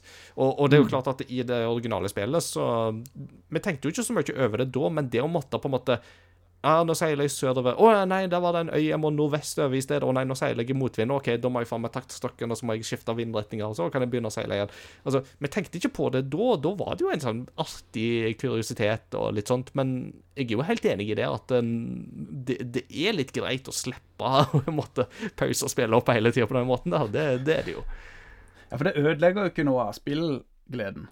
Det bare gjør ting litt enklere. Ja, det Så, det. og da er det liksom en fin, en fin ting. Og det er flere sånne quality of life-ting. Um, blant annet det som heter uh, det der Triforce Chart. Og det Mm. kan jo diskuteres om ødelegger uh, spillgleden eller ikke. Uh, men det som er konseptet der, er at du finner det da, dette kartet som viser um, hvor en del av disse Triforce-bitene er. Som gjør at du trenger kun um, det, er bare tre trif det er bare tre kart som du må få Tingle til å tyde nå, Mm. istedenfor opprinnelig åtte stykk. Mm. Som eh, gjør at eh, du trenger litt mindre rupee for å tyde disse her tinga. Og så, eh, og så kan du da leite etter Triforce Direct, altså rett fra dette Triforce-chartet. da. Mm. Så det er jo nye ting de la inn her. Ja, og hvis vi skal tro 13 år gamle Espen, så er jo dette absolutt en kvalitetsforbedring, for du nevnte jo det at det var litt for mange kart i, i dette spillet her. Så, så du var jo absolutt inne på dette for 20 år siden, tenkte jeg jo på. Det er sant. Jeg har ikke tenkt på. Ja, ja det, er, det er jo det, Men det, jeg syns de fikk det så fint inn, for jeg må innrømme at jeg la ikke merke til det når jeg spilte HD-versjonen. Så jeg tenkte ikke over at oi, dette var nytt. Jeg bare spilte det og tenkte dette var helt konge, før jeg, jeg leste litt på nettet. Å ja, det er faktisk en ny ting, dette. Mm. Eh, og det syns jeg er så fint når de legger inn når de legger inn sånne skjulte nye ting da, som bare forbedrer spillet uten at det gjør for stor inngrip i, i storyen. Mm. Eh, så har du jo denne gamepaden som er en veldig tydelig endring, da. At du har dette der eksterne lille skjermen på hånda di som, som viser kart, og du kan bytte våpen i sanntid. Mm. Om det er bedre eller ikke, kan diskuteres. Um, Syns det kan være litt stressende å løpe rundt og så peke med den fingeren. Det er ofte digg å være pause, men Mm. det er nå en ting. Eh, Men en veldig stor fordel der syns jeg er at du har kartet, spesielt når du da skal leite etter disse eh, skattene som du har Hvor du har eh, sjøkart, eller skattekart. Og så Derfor da, da forsvinner jo den der veldig eh, light beacon, Ja. ikke sant? Eh, Og da må, når du begynner å nærme deg, så vet du ikke hvor Da må du høre etter lyden, ellers må du inn på kartet og se hvor det krysset er i forhold til hvor du er. Mm, ikke sant. Um, og da var det veldig lett å ha det kartet rett på hånda, slipper du inn i menyen hver gang. Mm. Og så en annen quality of life-forbedring er når du slenger deg med grappling hook, Mm. så kan du nå vri omretninga om retninga di, selv når du er i sving, når du er i fart. Du trenger ikke å stoppe opp. Jeg husker jeg alltid måtte stoppe opp blink, og så snu retning, og så begynne på nytt. Ja, Nå kan du vri om mens du Å, stemme, stemme. Ja, for det er dette her tauet som du jo bruker til å på en måte slenge deg fram og tilbake. Eh, mm. Ja. Så det er, jo, det er jo bare en kjempegod forbedring, egentlig. Mm, ro rope, rope physics are now working. Oh yes, definitely. Og så har du disse her cutscenesene som er kutta, bokstavelig talt kutta ned litt. Oi, oi, Wind, Windwakeren um, og grappling hooken har uh, kortere cutscenes. Når du har spilt en melodi du, med Windwaker, så trenger du ikke å høre den på nytt. Da bare aktiveres den handlinga med en gang. Uh, grappling hooken, når du, når du bruker den som sånn fiskekrok, så er, nok, så er den cutscenen blitt mye kortere. Mm. Og så har du nå Så bruker du den D-paden til å plassere Windwaker, bombe, grappling hook.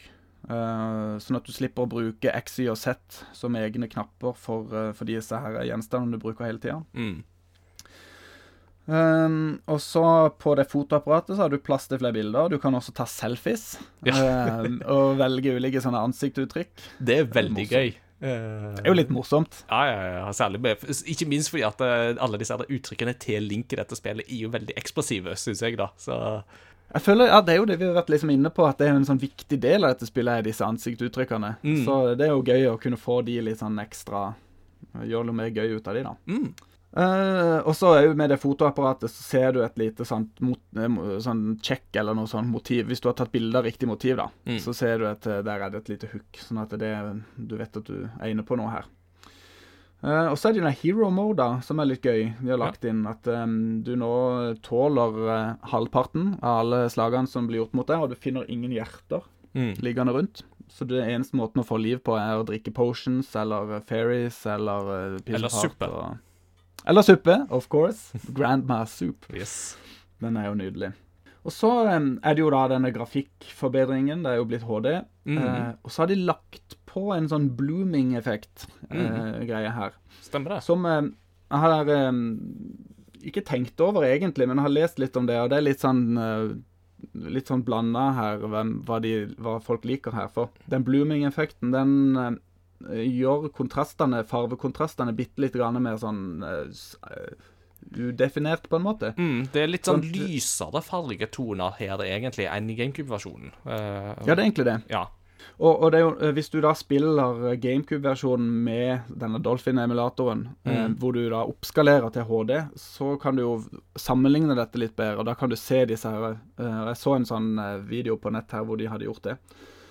Eh, og da er det faktisk uh, Jeg kan godt forstå at det er noen som foretrekker den originale GameCube-versjonen der, fra, faktisk. Eh, for du har tydeligere Det er mer tydeligere farver og tydeligere overganger Mm. mellom farvene.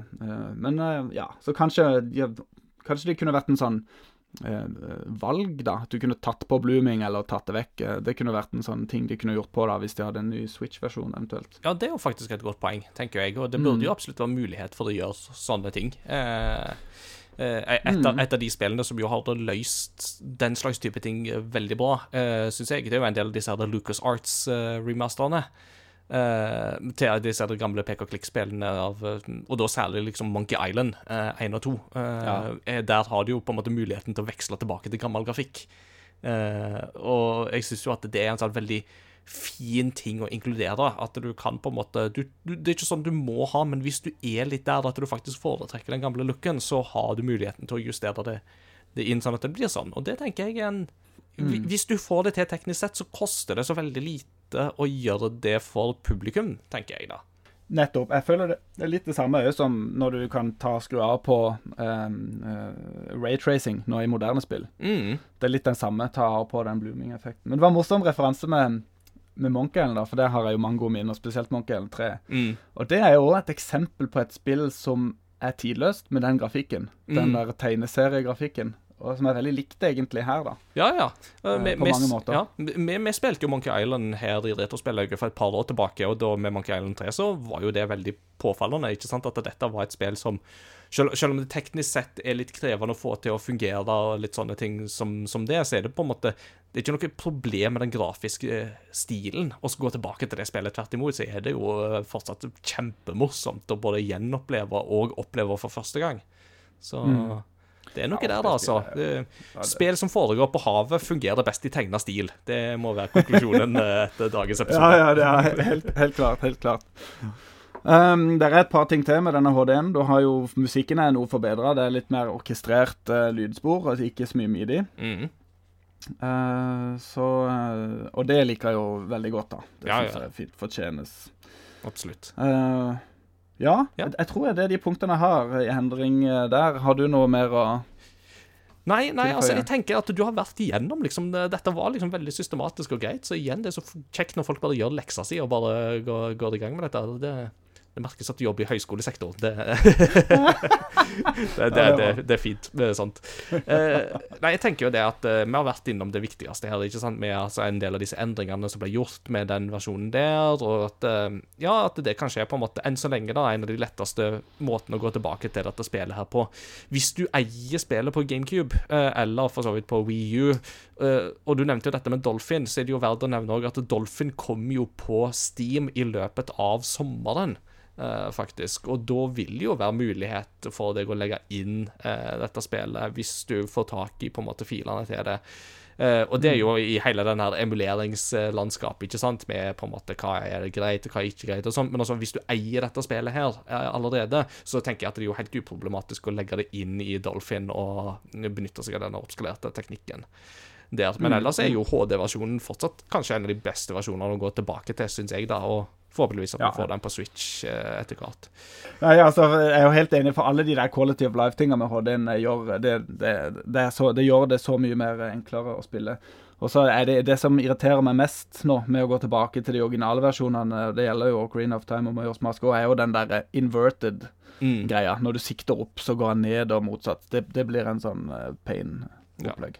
Absolutt. Eh, En tilvenningssak, men eh, absolutt noe som er greit å kunne justere om hvis man eh, foretrekker det. Mm. Eh, I, I denne her lista di så nevnte du jo dette her med at musikken er forbedra, og da har vi jo satt av et eget punkt her til musikken i The Wind Waker. For altså, musikken i Wind Waker er jo i særklasse. Det tror jeg vi kan være veldig enige om her. Så la oss snakke litt om musikken her. Hva er liksom våre favorittspor fra lydsporer? Hva er det på en måte musikken gjør her som er veldig, veldig spesielt, vil du si? Ja, jeg kan godt starte. Um, når du starter spillet, og title screen kommer, det første musikkstykket du får der Det er veldig sånn lystig, mm. og det er sånn tretakt. Det er litt folkemusikkaktig. Uh, og det er en veldig sånn tydelig melodi. Det er bare melodi, nesten, og så er det den der enkle harpa eller det som spiller harmonikken i bakgrunnen. Så og der, allerede nå, så føler jeg det eh, Du på en måte setter litt stempelet til musikken i, i, i Windwaker. Det er der er fokus på melodi. En god melodi. Mm. Um, veldig mye spillmusikk uh, i seinere tid er arrangert veldig. At eh, musikken blir bra fordi at arrangementet er bra. Det er ikke nødvendigvis en sånn enkel melodi som, er, som, som alene uh, betyr mye, eller som du kan høre alene.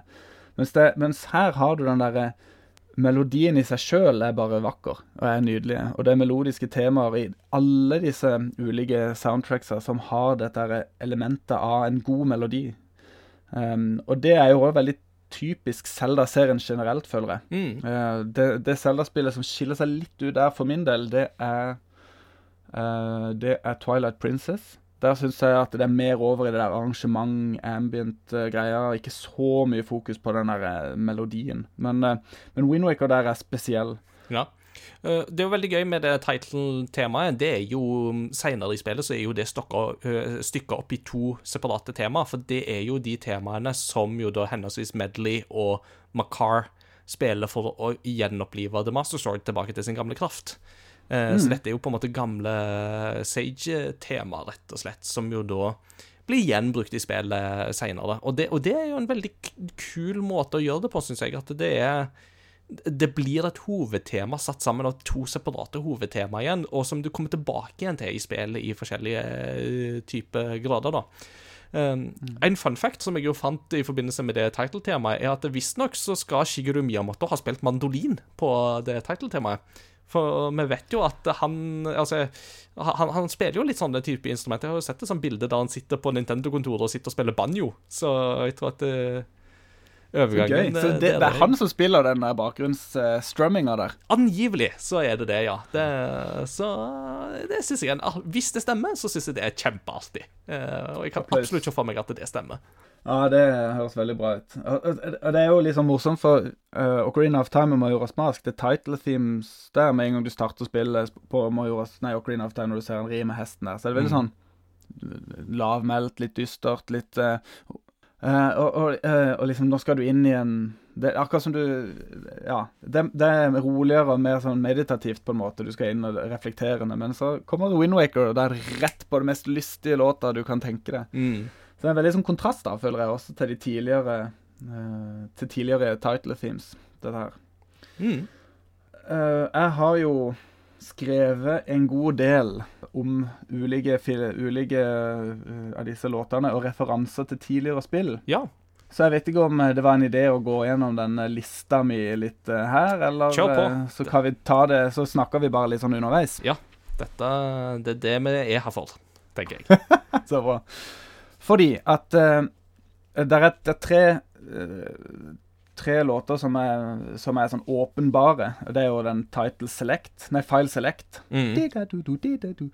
Og så har du Fairies Fountain og Sellas Lullaby. De er jo bare sånn åpenbare, bare brukes på nytt. Mm.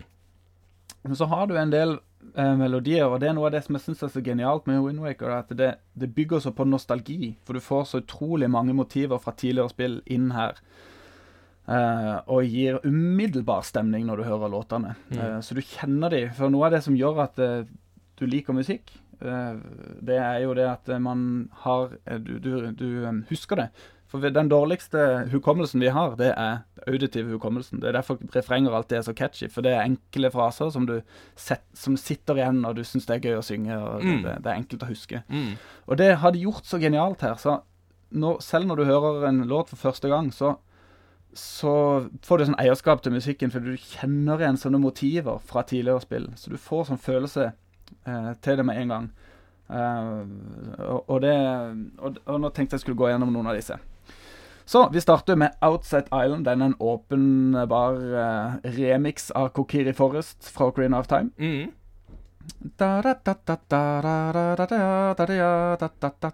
Den, den går jo igjen der. Mm. Bom, bom, bom, bom, bom. Bare et litt annet arrangement. Litt mer upbeat. Ikke sant? Det er jo en fantastisk Mer sånn lystig igjen. Um, upbeat versjon, eller remix av Concrete Forest. Mm. Uh, og så har du Uh, The Great Sea Song. er jo en videreutvikling av Hyrule Field, vil jeg si. Det er ikke en sånn direkte link, men du har um, mange av de samme intervallene og samme bevegelsene i melodien. Dan, Mm ta, ta, ta, Ikke sant? Mm. Da har du nesten Hyrule Field der. Ja, og nesten bare de gamle Zelda-temaene òg, ikke sant? Hvis du bare hadde fortsatt altså, Det hadde jo vært veldig naturlig å gått der, men så går jo det temaet et annet sted i stedet. Det er det det gjør. Og det er en veldig fin Det føler jeg òg er en sånn fin greie med at det, det havet er på en måte Hyrule Field. Det er bare en, en eldre tid, og ting er blitt annerledes. Og, så det er noen, disse bruddstykkene til gamle sanger som eller den gamle Hyrule Field-låta. da. Så det er en fin, fin videreutvikling der, syns jeg. Så har du Forsaken Fortress. Eh, når du ser denne cutscenen, samtalen med den fuglbossen Mm. som jeg ikke husker hva heter. The eh, Helmarock og- King heter vel den. Helmarock King, ja. Og Ganondorf. Eh, for der er den battle theme music til Ganondorf fra Ocarina of Time Mm. bare sakka ned i tempo. Det er veldig gøy. Så når du slåss mot Gandalf i Ocarina of Time, så er det det der motivet som spilles der, bare eh, ned, ja, nedskalert i tempo. Mm.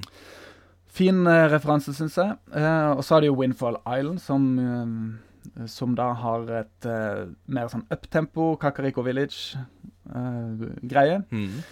Eh, Kjempecatchy, syns jeg. Nydelig. Det er en av mine favorittlåter, faktisk, i det spillet. Mm. Og så er det en veldig morsom uh, referanse og når du er inne i Dragon Roost Cavern. Ja. For det er jo så å si likt som uh, themesang i uh, Dodogos, hva er det heter for noe? Dodongos. Cavern. Ja. Dodongos Cavern i Ocarina of Time. Mm. Jeg vet ikke om du husker disse skrikene. Uh. Det er sånn- det er jo samme ulla som er der. Uh, bare lagt på litt mer sånn bongotrommer i Dragon Roost Cavern. Mm. Og det syns jeg er jo en veldig fin kobling da med den her lava-vulkanopplegget. Mm. Te temaet er altså det, det, det er et tilsvarende tema som er lett å skjønne hvorfor de musikalske temaene òg er kobla. ja. Eh, Jeg syns det er veldig bra. Oh, bare en liten morsom eh, ting med den Dragon Roost Cavern. For jeg vet ikke om du husker en av de aller første Ikke trailerne av Windwaker, men eh, når de spilte live, om det var E3-messe eller hva det var, så spilte de jo live gameplay foran folk. Ok, det kan Um, jeg ikke huske, men uh, nei, det jeg- stemmer jeg sikkert. Ja. Jeg tror det var Shigeru Miyamoto som spilte. Uh, og da spilte han Link da i uh, en sånn scene fra Dragon Rose Cavern, hvor Um, når en gang du kommer inn der, så er det en sånn eh, Så er det en sånn vegg av sånne dårlige planker som du, som du skal slå og knuse med når du plukker opp disse sverdene fra disse moblins, eller hva det heter. Mm. Og i den, eh, den demoen, når han spilte, så var tanken at, han, at skulle, du skulle plukke opp da det sverdet fra den moblin og knuse den. Og så fant de aldri det sverdet når de spilte live. Så det var sånn, jeg, så, så det, de merka jo bare Oi, shit, nå skal vi vise noe, og så virker det ikke live her. Så, og så husker jeg at um, når spillet kom, så, så tenkte jeg å, nå har jeg kommet på den plassen hvor de viste den demoen. Jeg skulle lure på om de fikk det til nå. Men da har de bare endra det. De endra det opp til at han moblin løp inn og knuste den veggen istedenfor at du måtte plukke opp sverdet. Ah. Så de hadde sikra at ikke det skulle skje igjen. og, og det, der, det der det er sånne øyeblikk som jeg kjenner at jeg kommer til å savne mer med på en måte nå som E3 er avlyst for 2023 og kanskje aldri kommer tilbake igjen. Det er liksom noe med at det, alt er så skripta nå, ikke sant? At det, du vil på en måte ikke få sånne ting når alt er bare på en måte preproduserte videoer som slippes på YouTube. Altså, vi får liksom ikke de der live-øyeblikkene på scenene som liksom Det var bare sånn Oi, der skjedde det. Det, det skulle ikke skje. Hva gjør jeg nå? Nei, Det var jeg nettopp. Ja, det, er, det er ikke sant, Nintendo Direct, da er det jo noe helt annerledes. Det er Da så polerer de det akkurat som de vil. ja. Så, nei. Nei da, det var en litt morsom digresjon der på den Dragon Roost Cavern. Mm. Um, og så har du Warp Portal etter du har tatt en boss. Når du skal gå inn i Warp Portal, den der uh, litt sånn ambient uh, synt-lyden, det er jo samme, samme sample, eller samme lyd egentlig, som er i Final Hour Song i Majoras Mask når du er inne i Clocktown. Ja. Så ligger den, den Warp. Ja, uh. Portal-lyden. Den, ja. Så eh, en veldig fin henting der, syns jeg. Så har du Forest Heaven. Eh, der er det en ny eh, remix av Kokiri Forest, Mm. som har en eh, litt tyngre bit, vil jeg si. Mm. Litt mer sånn dystrere-aktig arrangement. Ja. Men fantastisk flott. Og, ve og veldig gøyal bruk av type sånn wood instruments i eh, dette her òg. At det er på en måte sånn som eksempel xylofoner spiller jo på en måte en sentral rolle i på en måte de til låtene som er knytta til det med skog og Corox og den slags type ting å gjøre, som jeg jo syns er veldig spennende. Ja, for det er jo også noe av det som er så genialt med det spillet, er jo at du hadde litt mer plass på disken, og du kunne få, få litt bedre lydkvalitet på, på samplesene og få opp Så de, det, er jo veldig bra lyd. Det er veldig bra samples, og veldig bra uh, mm, produksjon, rett og slett. Som låter veldig Så er jeg enig, og det er veldig kul, den effekten der, da, Mm. som du nevner. Uh, og, men når du går inn i Forest Heaven, når du er inne i, um, inne i eh, sammen der med Decotree, så er det jo en blanding. Da er det jo en ny remix igjen av Cockerier Forest, men da har du også litt av disse Lost Woods-motivene som uh, kommer inn fra Green of Time også. Mm. Og så har du i Forbidden Woods, der har du en melodi som spilles i et sånt fagottaktig instrument. Og det er jo title screen-melodien fra Ocarina. Mm. som er henta inn der. Og en liten ting der eh, med Forbidden Woods, det er et av mine favoritt-soundtracks som ikke er en sånn um, Som er i disse uh, Som er i disse caverns, eller disse templene. Mm. For jeg vet ikke om du har hørt på den, det soundtracket med litt sånn god bassrespons.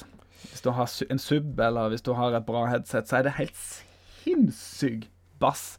Det er utrolig kult. Så jeg husker når jeg spilte det spillet litt sånn i seinere tid, når jeg hadde litt bedre anlegg hjemme. Så, var oh, oh, oh. så jeg ble helt leve med i verden. Det var en utrolig kul effekt. Kanskje jeg må gjøre det med Hvis jeg fyrer opp GameCube-versjonen igjen. Så nå, nå har jeg liksom et litt bedre headset som har god bassrespons med dette Sony-settet. Så det, det, det frister. Det, det må jeg ta Ja, det må du gjøre.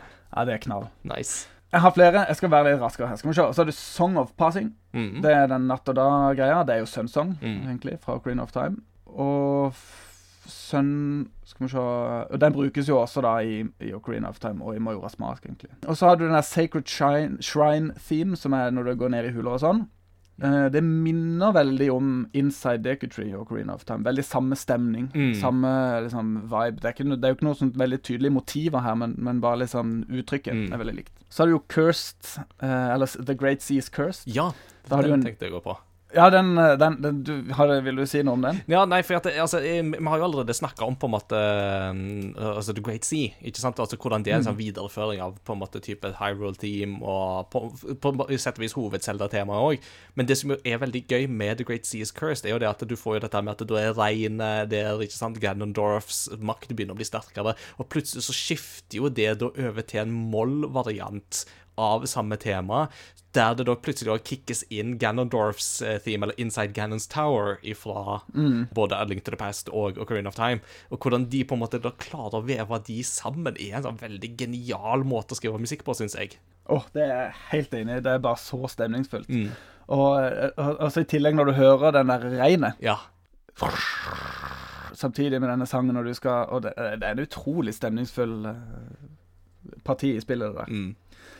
Så genialt, rett og slett. Helt enig. Så har du Water Spirit Theme Song. Den, altså Nei, vet, han, han Water Spirit, han er hvalen med den lykta foran hodet. ja, Jaboon. den Jab, ja, Jaboon, ja. Den sangen som er der inne, den um, Det er jo basically samme låt som er inni Jabu Jabu i Ocarina of Time. Mm. Uh, som, um, så det er en morsom eh, kobling. Så har du Hyrule Castle under vann.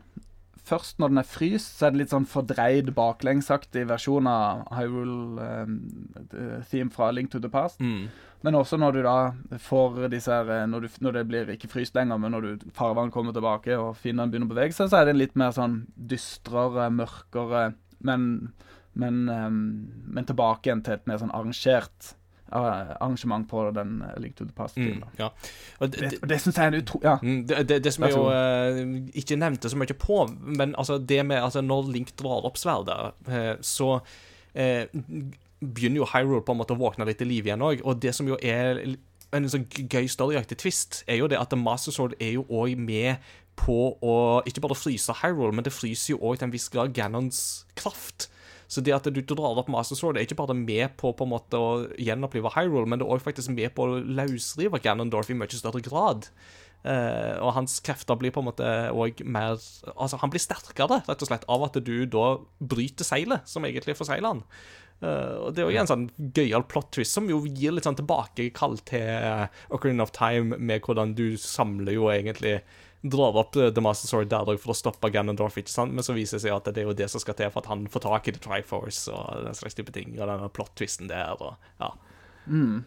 Enig. Og så er det en, en morsom fun fact der nede også, at når du drar opp sverdet ned i, eh, på Windwaker der, så alle disse her uh, vinduene, som er sånn typisk eh, sånn kirkevinduer med Ja, glassmaleri. og motiver, Ja. ja. så er jo det uh, Du har jo alle disse syv sages fra Green of Time der, Mm. pluss en med Ganondorf og en med, med Triforcen. Mm. Så der, link, der har du jo også den der hinten til det gamle. Mm. Veldig stilig og veldig forseggjort. Mm. Veldig artig. Ekstremt tøft. Eh, Det er for øvrig et av mine favorittplasser i, i Windwaker, når du kommer ned der og skal tale disse fiendene.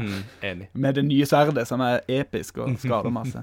En veldig morsom um, og imponerende referanse er når du skal ta Phantom Ganon. Mm. For den themesongen der, i Forsaken Fortress, Ja. da har du jo Det første motivet som kommer, er når du møter Ganon for første gang i NES, i opprinnelig Altså Zelda, i Zelda 1. Mm. Det motivet kommer.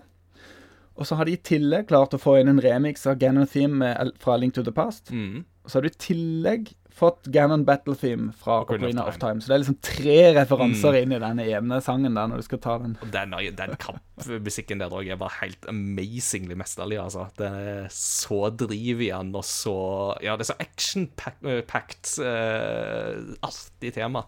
Og, Ja, og, og altså. med hvordan på en måte det oppskalerer seg i kamp, når dere begynner å sende disse her eh, energistrålene tilbake. liksom For hver gang du slår på den, så går du på en måte sånn der dum, dum, dum, dum, dum. Ja. Liksom bare klatrer opp. da, da, da, da, da. Da, da. Plutselig kommer reiseradioen din. Nei, Å nei, å oh, nei. Can't unhear. nei.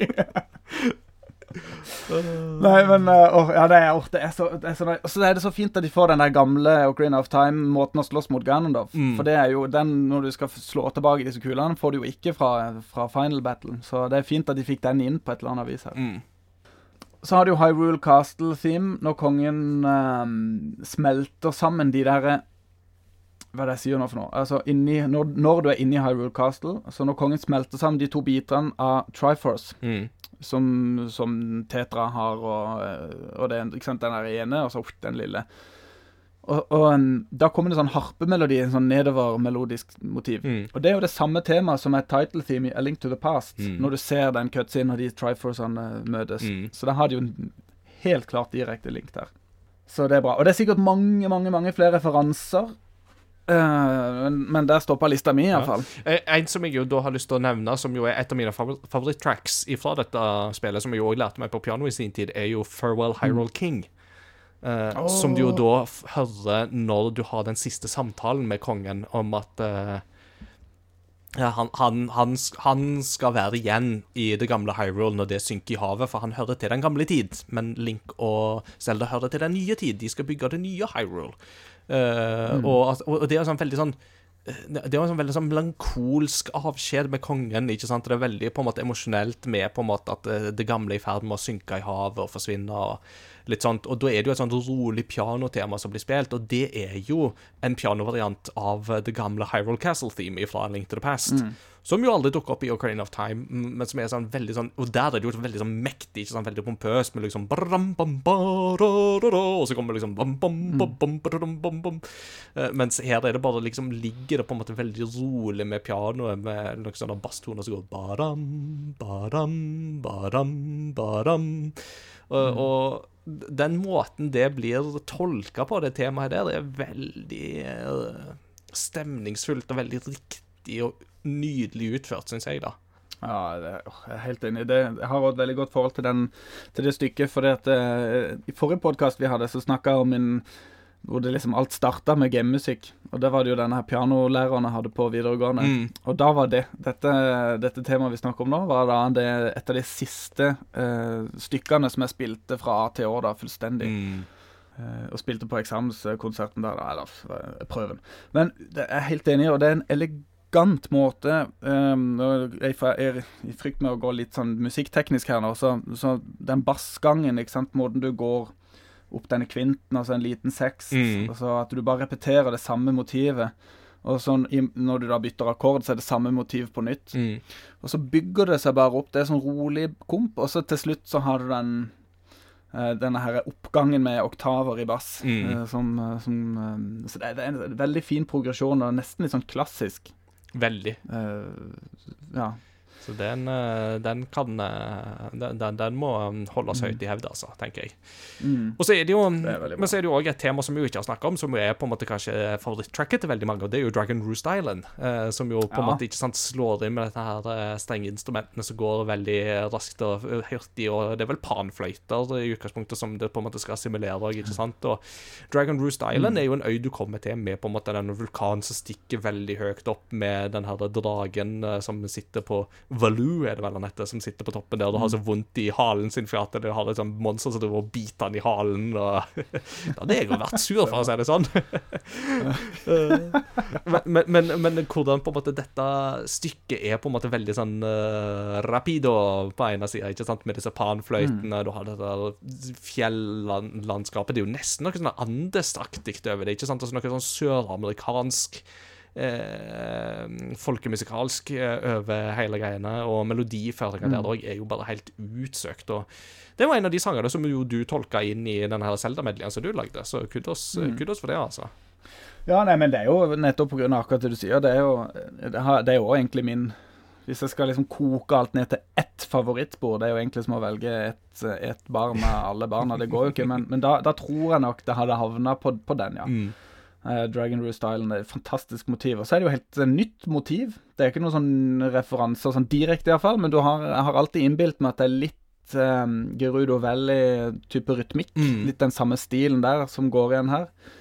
Uh, men, uh, men, du har en det en, det er jo en moll, uh, faktisk, mel type melodi. hvor du er innom noe som heter dorisk også. En annen type måte, en annen type mollskala som er litt lystigere. Mm, en sånn kirketoneart, er det ikke? No. Ja, stemmer. Et veldig godt eksempel på dorisk er jo da, da, da, da, da, da, da, da, da, da, da, da, da, Veldig ja, spennende. Litt usikker på om det er dorisk, eller om det er en av de andre kirketoneartene, men hovedtemaet etter Final Fantasy 9, A Place to Call Home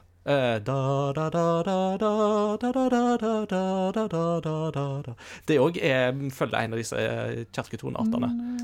Det høres ut som doriska. ja. Ja, dorisk, ja. Jeg, mm. Eh, det er så lenge siden jeg hadde og studiet mye musikk at jeg tar ikke kirketoneartene på strak arm lenger. det er derfor vi har deg. Men, men, så det er bra.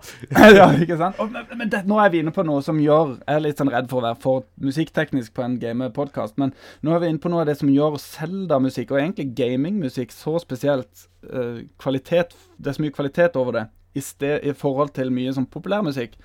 For populærmusikk, populær, den, den er ofte bygd opp av så mange rammer. Du har disse tonale rammene, det er dur eller moll, og du har en enkle akkordskjemaer.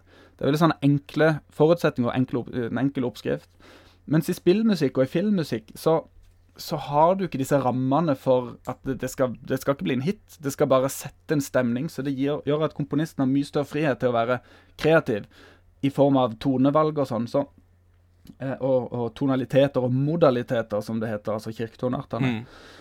Og da er jo da Dorisk er en, en, av mine favorittmodaliteter. Den, den, eh, den, ligger jo Ikke sant, det, sånn som vi, de, de, eksemplene vi just hadde nå. Og Du har jo også i 'Ringenes herre' ikke sant, Pippin, uh, når Pippin synger 'Home is behind the world' Det er jo en sånn veldig grand, nydelig Og når du bruker sånn modaliteter som dorisk, miksolydisk, som Forbidden Woods er, mm.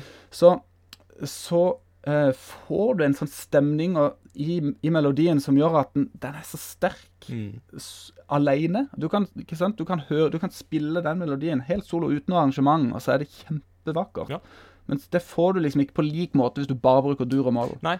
Som det ofte gjøres på Eller bare tretakt tre og firtakt, ikke sant. Det er jo òg et eksempel i det. Altså, mm. Siden vi var inne på Ringenes herre. Altså, Isengard-temaet er jo fem fjerdedelstakt, og det er jo en måte å symbolisere litt det holdt på å si, det industrielle bruddet, ikke sant, og på en måte denne hardheten og sånt, og ikke minst med at du har liksom disse her lenkene som rasler, og denne tromma som går veldig, og markerer liksom den her fem, femtakten, ikke sant, det er jo noe på en måte for å skape på en måte det der bruddet og dissonansen i, i det mm. lydbildet. Uh, så uh, vi må ikke være redd for å nerde på musikk her, da, altså, for det er liksom litt det jeg har lyst til i denne podkasten. Det er jo nettopp det å gå litt i den dybden der, for det er jo nettopp det som gjør Sånn som du sier, ikke sant? Altså, det, det, som gjør disse tingene så spennende, er jo det med at hva er det som gjør da at disse tingene skiller seg ut ifra Uh, holdt på å si fire akkord, uh, gitar, lovsang eller uh, listepop. Ikke sant? Altså, det, det, det å mm. på en måte komme litt i dybden på disse tingene syns jeg er veldig spennende. I fall, og jeg tror det er mange av lytterne som setter pris på det. altså. Så.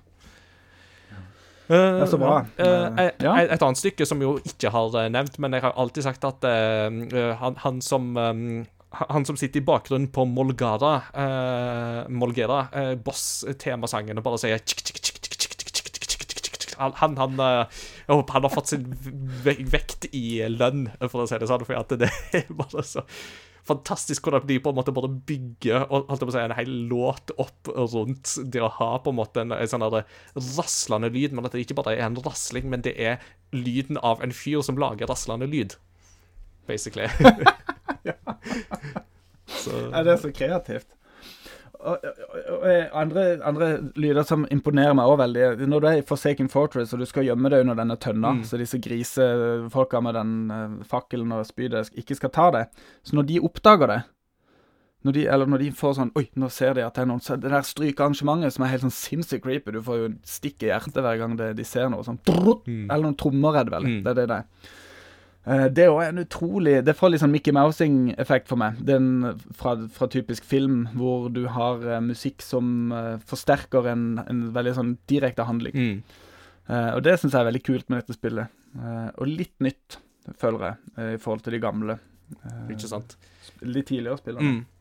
Uh, jeg vet ikke hvorfor jeg kom på det, men uh, snakket om creepy stemning og stryk og den slags. Men uh, du, du- vet du hvordan uh, skriket til Godzilla i de originale Godzilla-filmene er laga?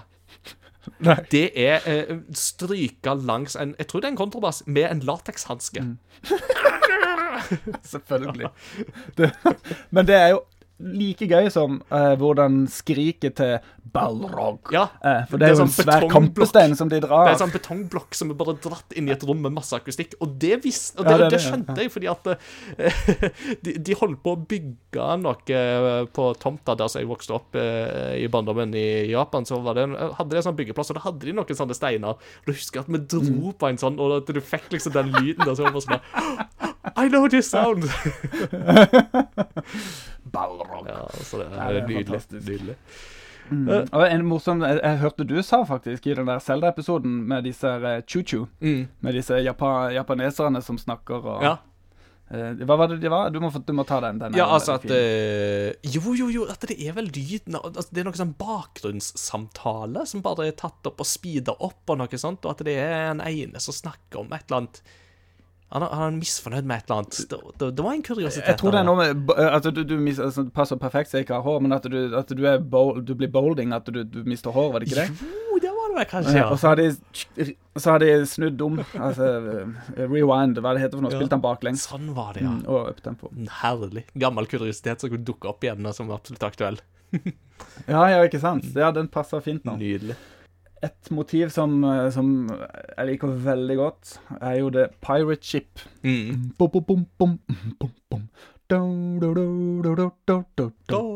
Det er utrolig vakkert, med, vakkert både arrangement og melodi. Og det som er fint her, det er jo at um, uh, Her er det en blanding av dur og moll. Ja. Det er litt gøy. Og så er du oppe på den der doriske der Moldur. Så Og det er jo det er ikke så veldig vanlig at man gjør det, men det er en utrolig fin effekt. Og det brukes jo litt i blues, f.eks. Da er det jo ofte når du glisser fra molltersen opp til durtersen. Mm. Så den eh, Det er en fantastisk Ja, melodi. Ja, alltid, alltid likt den der det ene den der på, alle, fj- på, på fjerde takten der, så har du alltid sånne sånn der, to sånne treklosser som slår sammen. Bare sånn der king-lyd som bare dukker opp hele tida. Iallfall når du er inne i skipet, da. Så, for det er jo variant både når du er oppå skipet, men også når du er inne i skipet, så ja. Ja, det stemmer det. Når du er oppe på skipet, så er det men boom, det er den der tunge Ja. bassfiguren, og inni skipet så er det litt mer lavmælt, mm. og det er en knirking Ja, og da får du disse her tre instrumentene ja. igjen, ikke sant? Sånn som for eksempel med disse her treklossene som slår sammen og sånt, og som passer veldig godt, fordi du er inne på en måte i en sånn her tre, trekonstruksjon. Så det er Mm. veldig, veldig kløktig gjennomtenkt, eh, hele det soundtracket der, og vel verdt en opplevelse, altså. Så ja. Ja, det er, det, er, det er rett og slett det, altså. Eh, Arrangementene er veldig enkle. Mm. Det er små, små effekter som, som, gi, til, som gir tillegg til den fantastiske melodien som er der. Så, uh, og det må jo ha noe med De hadde jo begrensninger da også. Du kunne ikke ha fullt symfoniske opplegg og få det til å låte bra. De måtte, måtte komprimere det bitte lite grann, og jeg tror, eh, jeg tror det må ha vært litt i baktanken mens de lagde soundtrack her. Men eh, men uh, for min del så, så, så syns jeg at Windwaker på en måte favner i det store og det hele en utrolig kreativt uh, lydsoundtrack, men også at du, du, har liksom så masse uh, disse referansene til tidligere, og du får eierskap til det. Hver melodi betyr noe. Det er liksom ingen låter, ingen, ingen soundtrack-øyeblikk hvor musikken ikke har noe spesiell betydning. Mm. Det, det, farver så ekstremt. Så det, det, det er nokså unikt, syns jeg, for det spillet. Mm. Altså, kan du jo Majoras Mask er mye mer sånn dystert og mer mollstemt. Til og med Termin og Field er jo mer sånn mollbasert. Mm. Um, så der er jo en nydelig soundtrack. Men det er bare mørkere mørkere stemning, og liksom jevnt over mørkt, mens Windwaker har begge deler. Det er fra det lystigste mm. til noe av det mørkeste Absolutt. Uh, spennet. Mm. Kjempespennende. Vi begynner å nærme oss på en måte en avslutning, men uh, i alle Retrospill-episoder så har vi alltid litt sånn lyst til å på en måte ta en vurdering av om dette er et spill som er verdt å gå tilbake til eller ikke. Nå er jo dette en litt sånn spesialepisode, så da er det jo klart at da er jo det en spesialepisode vi har laga litt fordi at dette er jo et spill som vi faktisk er veldig glad i, og da er jo kanskje den konklusjonen litt sånn holdt på å si gitt på forhånd, men vi kan jo prøve å begrunne det litt likevel, hvorfor vi syns dette spillet faktisk er verdt å gå tilbake til 20 år senere. Mm. Uh, men altså, jeg vil jo si at uh, dette er jo et spill der grafikken har jo bare blitt penere med årene, syns jo jeg, uh, som vi har snakka om, og mm. eldes som en god vin. Uh, og musikken og historiefortellinga òg syns jeg er på en måte noe av det beste Zelda-serien har å by på uh, her, på mange måter. Det er så mange ting som enten blir på en måte etablert, eller som videreutvikles på en så utrolig spennende måte.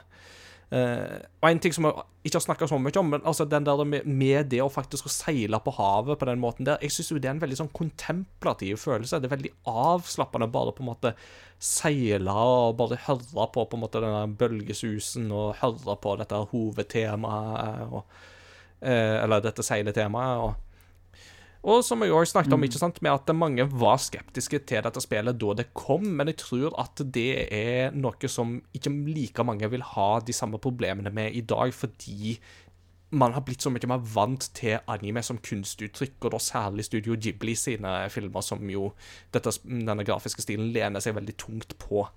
Så det, det er iallfall mine tanker knytta til, til, dette her. Mm. Nei, jeg er jo helt enig med alle de tingene som er blitt sagt. Eh, det, det var jo en av de første tingene jeg skrev til deg når vi snakka om å snakke om um, dette spillet, er jo at argumentet mitt var at det er kanskje det mest tidløse Zelda-spillet mm. av alle. Uh, nettopp pga. grafikk og soundtrack som på den tida var såpass bra at du, du fremdeles kan høre på det. Det er god, god kvalitet. Uh, og gameplay, for min del, som jeg har snakka om, det med at du kan bevege kamera. Altså, Twilight Princess har, sin HD har jo også det at du har adda kamera, men den er ikke så bra det er lagt til. For det er noen scener hvor du ikke kan bruke kamera der, og litt sånn, men du kan det hele tida i, i Windwaker. Uh, eh, og du kan også, mens du holder inne L-target og sikter, så kan du gå samtidig mm. uh, med joysticken og sikte med C. Uh, og da, har, da, er du inne i denne FPS-stilen, som er veldig sånn um, som, som, som, er kjempebra. Og det kan du heller ikke i Twilight Princess sin uh, eh, HD-remake. Så, så, jeg syns rett og slett at det er så up to date på så mange ting, og spesielt med den HD-versjonen og med alle de quality of life-endringene, så, så er, for min del kunne det vært en helt ny release, jeg hadde elska det. Mm. Så det, det, lever i aller høyeste grad mm. for meg som et, som et, uh, et spill som Hva heter det for noe? Altså at du kan uh, replayable value. Altså mm. spille om og om, Gjenspill, igjen. Gjenspillbarheten. Ja, gjenspillbar, på, på, på, godt uh, norsk. Mm -hmm. Så um, jeg er helt, uh, helt enig i det. Ja, jeg har et, et par Jeg har noen fun facts sånn ja. avslutningsvis, hvis det, var, hvis det er interessant. Kjør på. Ja. først så må, vi, så må, vi bare, må jeg bare spørre deg, hvilken stemmelyd er din favoritt, eller sånn lydeffekt, i det spillet?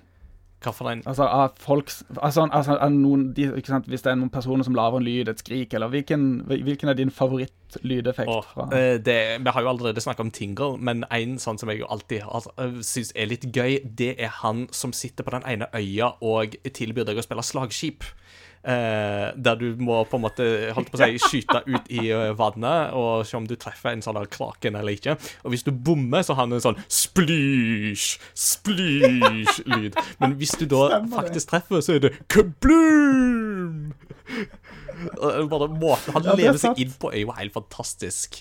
Men så snakket vi jo òg eh, i den hovedepisoden der du var med, så snakket vi òg om Beatle, han der som driver butikken, som hadde Å! ja. Klassiker, rett og slett.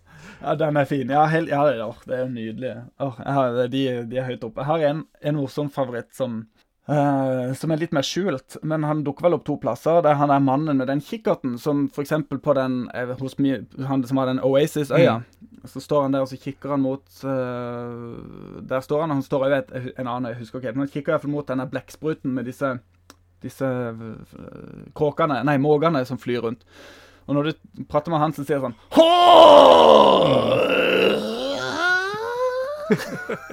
Jeg syns det er så bra. Så det er faktisk min favorittlyd uh, i spillet. Men ja, eh, det var disse fun factsa, altså. Um, veldig raskt uh, gjennom her. Um, Wins Requiem, når du spiller den, så er mønsteret opp, venstre og høyre. Det er samme mønster som um, Epona sang i Ocarina of Time. Mhm. Sverdet til Phantom Gannon, som vi har snakka om tidligere, der står det skrevet noe sånn Hylian-skrift på den. Og det er navnet til han uh, smeden, Blacksmith, i Majoras Mask. Oh, Eh, bare skrevet inn i Hylian. Kult. Så den er en, det er en, synes jeg, en gøy fun fact.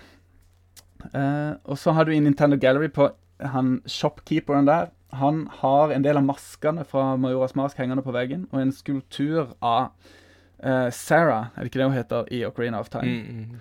som er oppe i ei av hyllene Mm. der. Um, og så er det animert inn ekte stjernetegn i himmelen. Det Orions belte kan du se på himmelen. Stemmer, stemmer. Det er morsom fun fact. Og så har du disse grisene da på Windfall Island som representerer litt koko. At når du slår på dem, så, eh, så klikker de og dreper Ja. deg. Eh, og når du, når du løfter opp grisen, så promper han hele tida. Så det er en sånn prompsky som er veldig gøy. Eh, og de, den store svarte grisen på Outside Island, hvis du skader den, Mm. så er du, ligger du dårlig an. For dette, de skader deg tre hjerter. Mm. Eh, og det er jo mer enn de fleste fiendene på spillet. Mm. Den er svære grisen. Og på HD-remaken, da, altså Hero Mode, så er det jo da seks hjerter. Beware the pig. oh yes. Og så er det den postmannen i Rito, han, hvor du skal gjøre det postquestet og hjelpe han å sortere brev. Mm. Uh, han har jo samme design og look som postmannen i Ocarina of Time og i Majoras Mm. Mask. Litt sånn avlange tryne.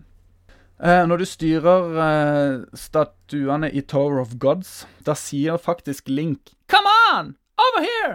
Og det er jo en av de første Jeg tror ikke det har skjedd i noen andre Zelda-spill at Link faktisk sier eh, ord, Nei. og ikke bare lydeffekter. Jeg tror det er kanskje et av de eneste tilfellene, ja. Det er riktig. Mm. Så det er en litt sånn morsom uh, fun fact der. Og så har du disse her tre statuene som du skal plassere de her spirit orbsene på. Mm. De tre, på de tre øyene som da gir denne Triforce-greia. og de tre skal visstnok uh, ha være en, en um, De skal illustrere tre pikmin. Ja. Det er litt morsomt. ja. For hvis du kan se, det har denne, den blå pikmin, den grønne og den oransje pikmin. Og de har de ulike munn, munnfjesene på disse statuene har, er likt sånn som de, disse tre pikmin-typene. Morsom referanse. Det er jo merkelig, men den er nå der. wow.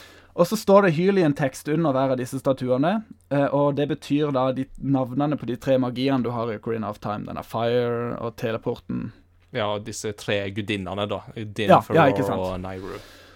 Eh, og så uh, visste sikkert mange dette, men eh, det ble, det ble en ny verden for meg når jeg spilte det på nytt med den blå T-skjorta istedenfor.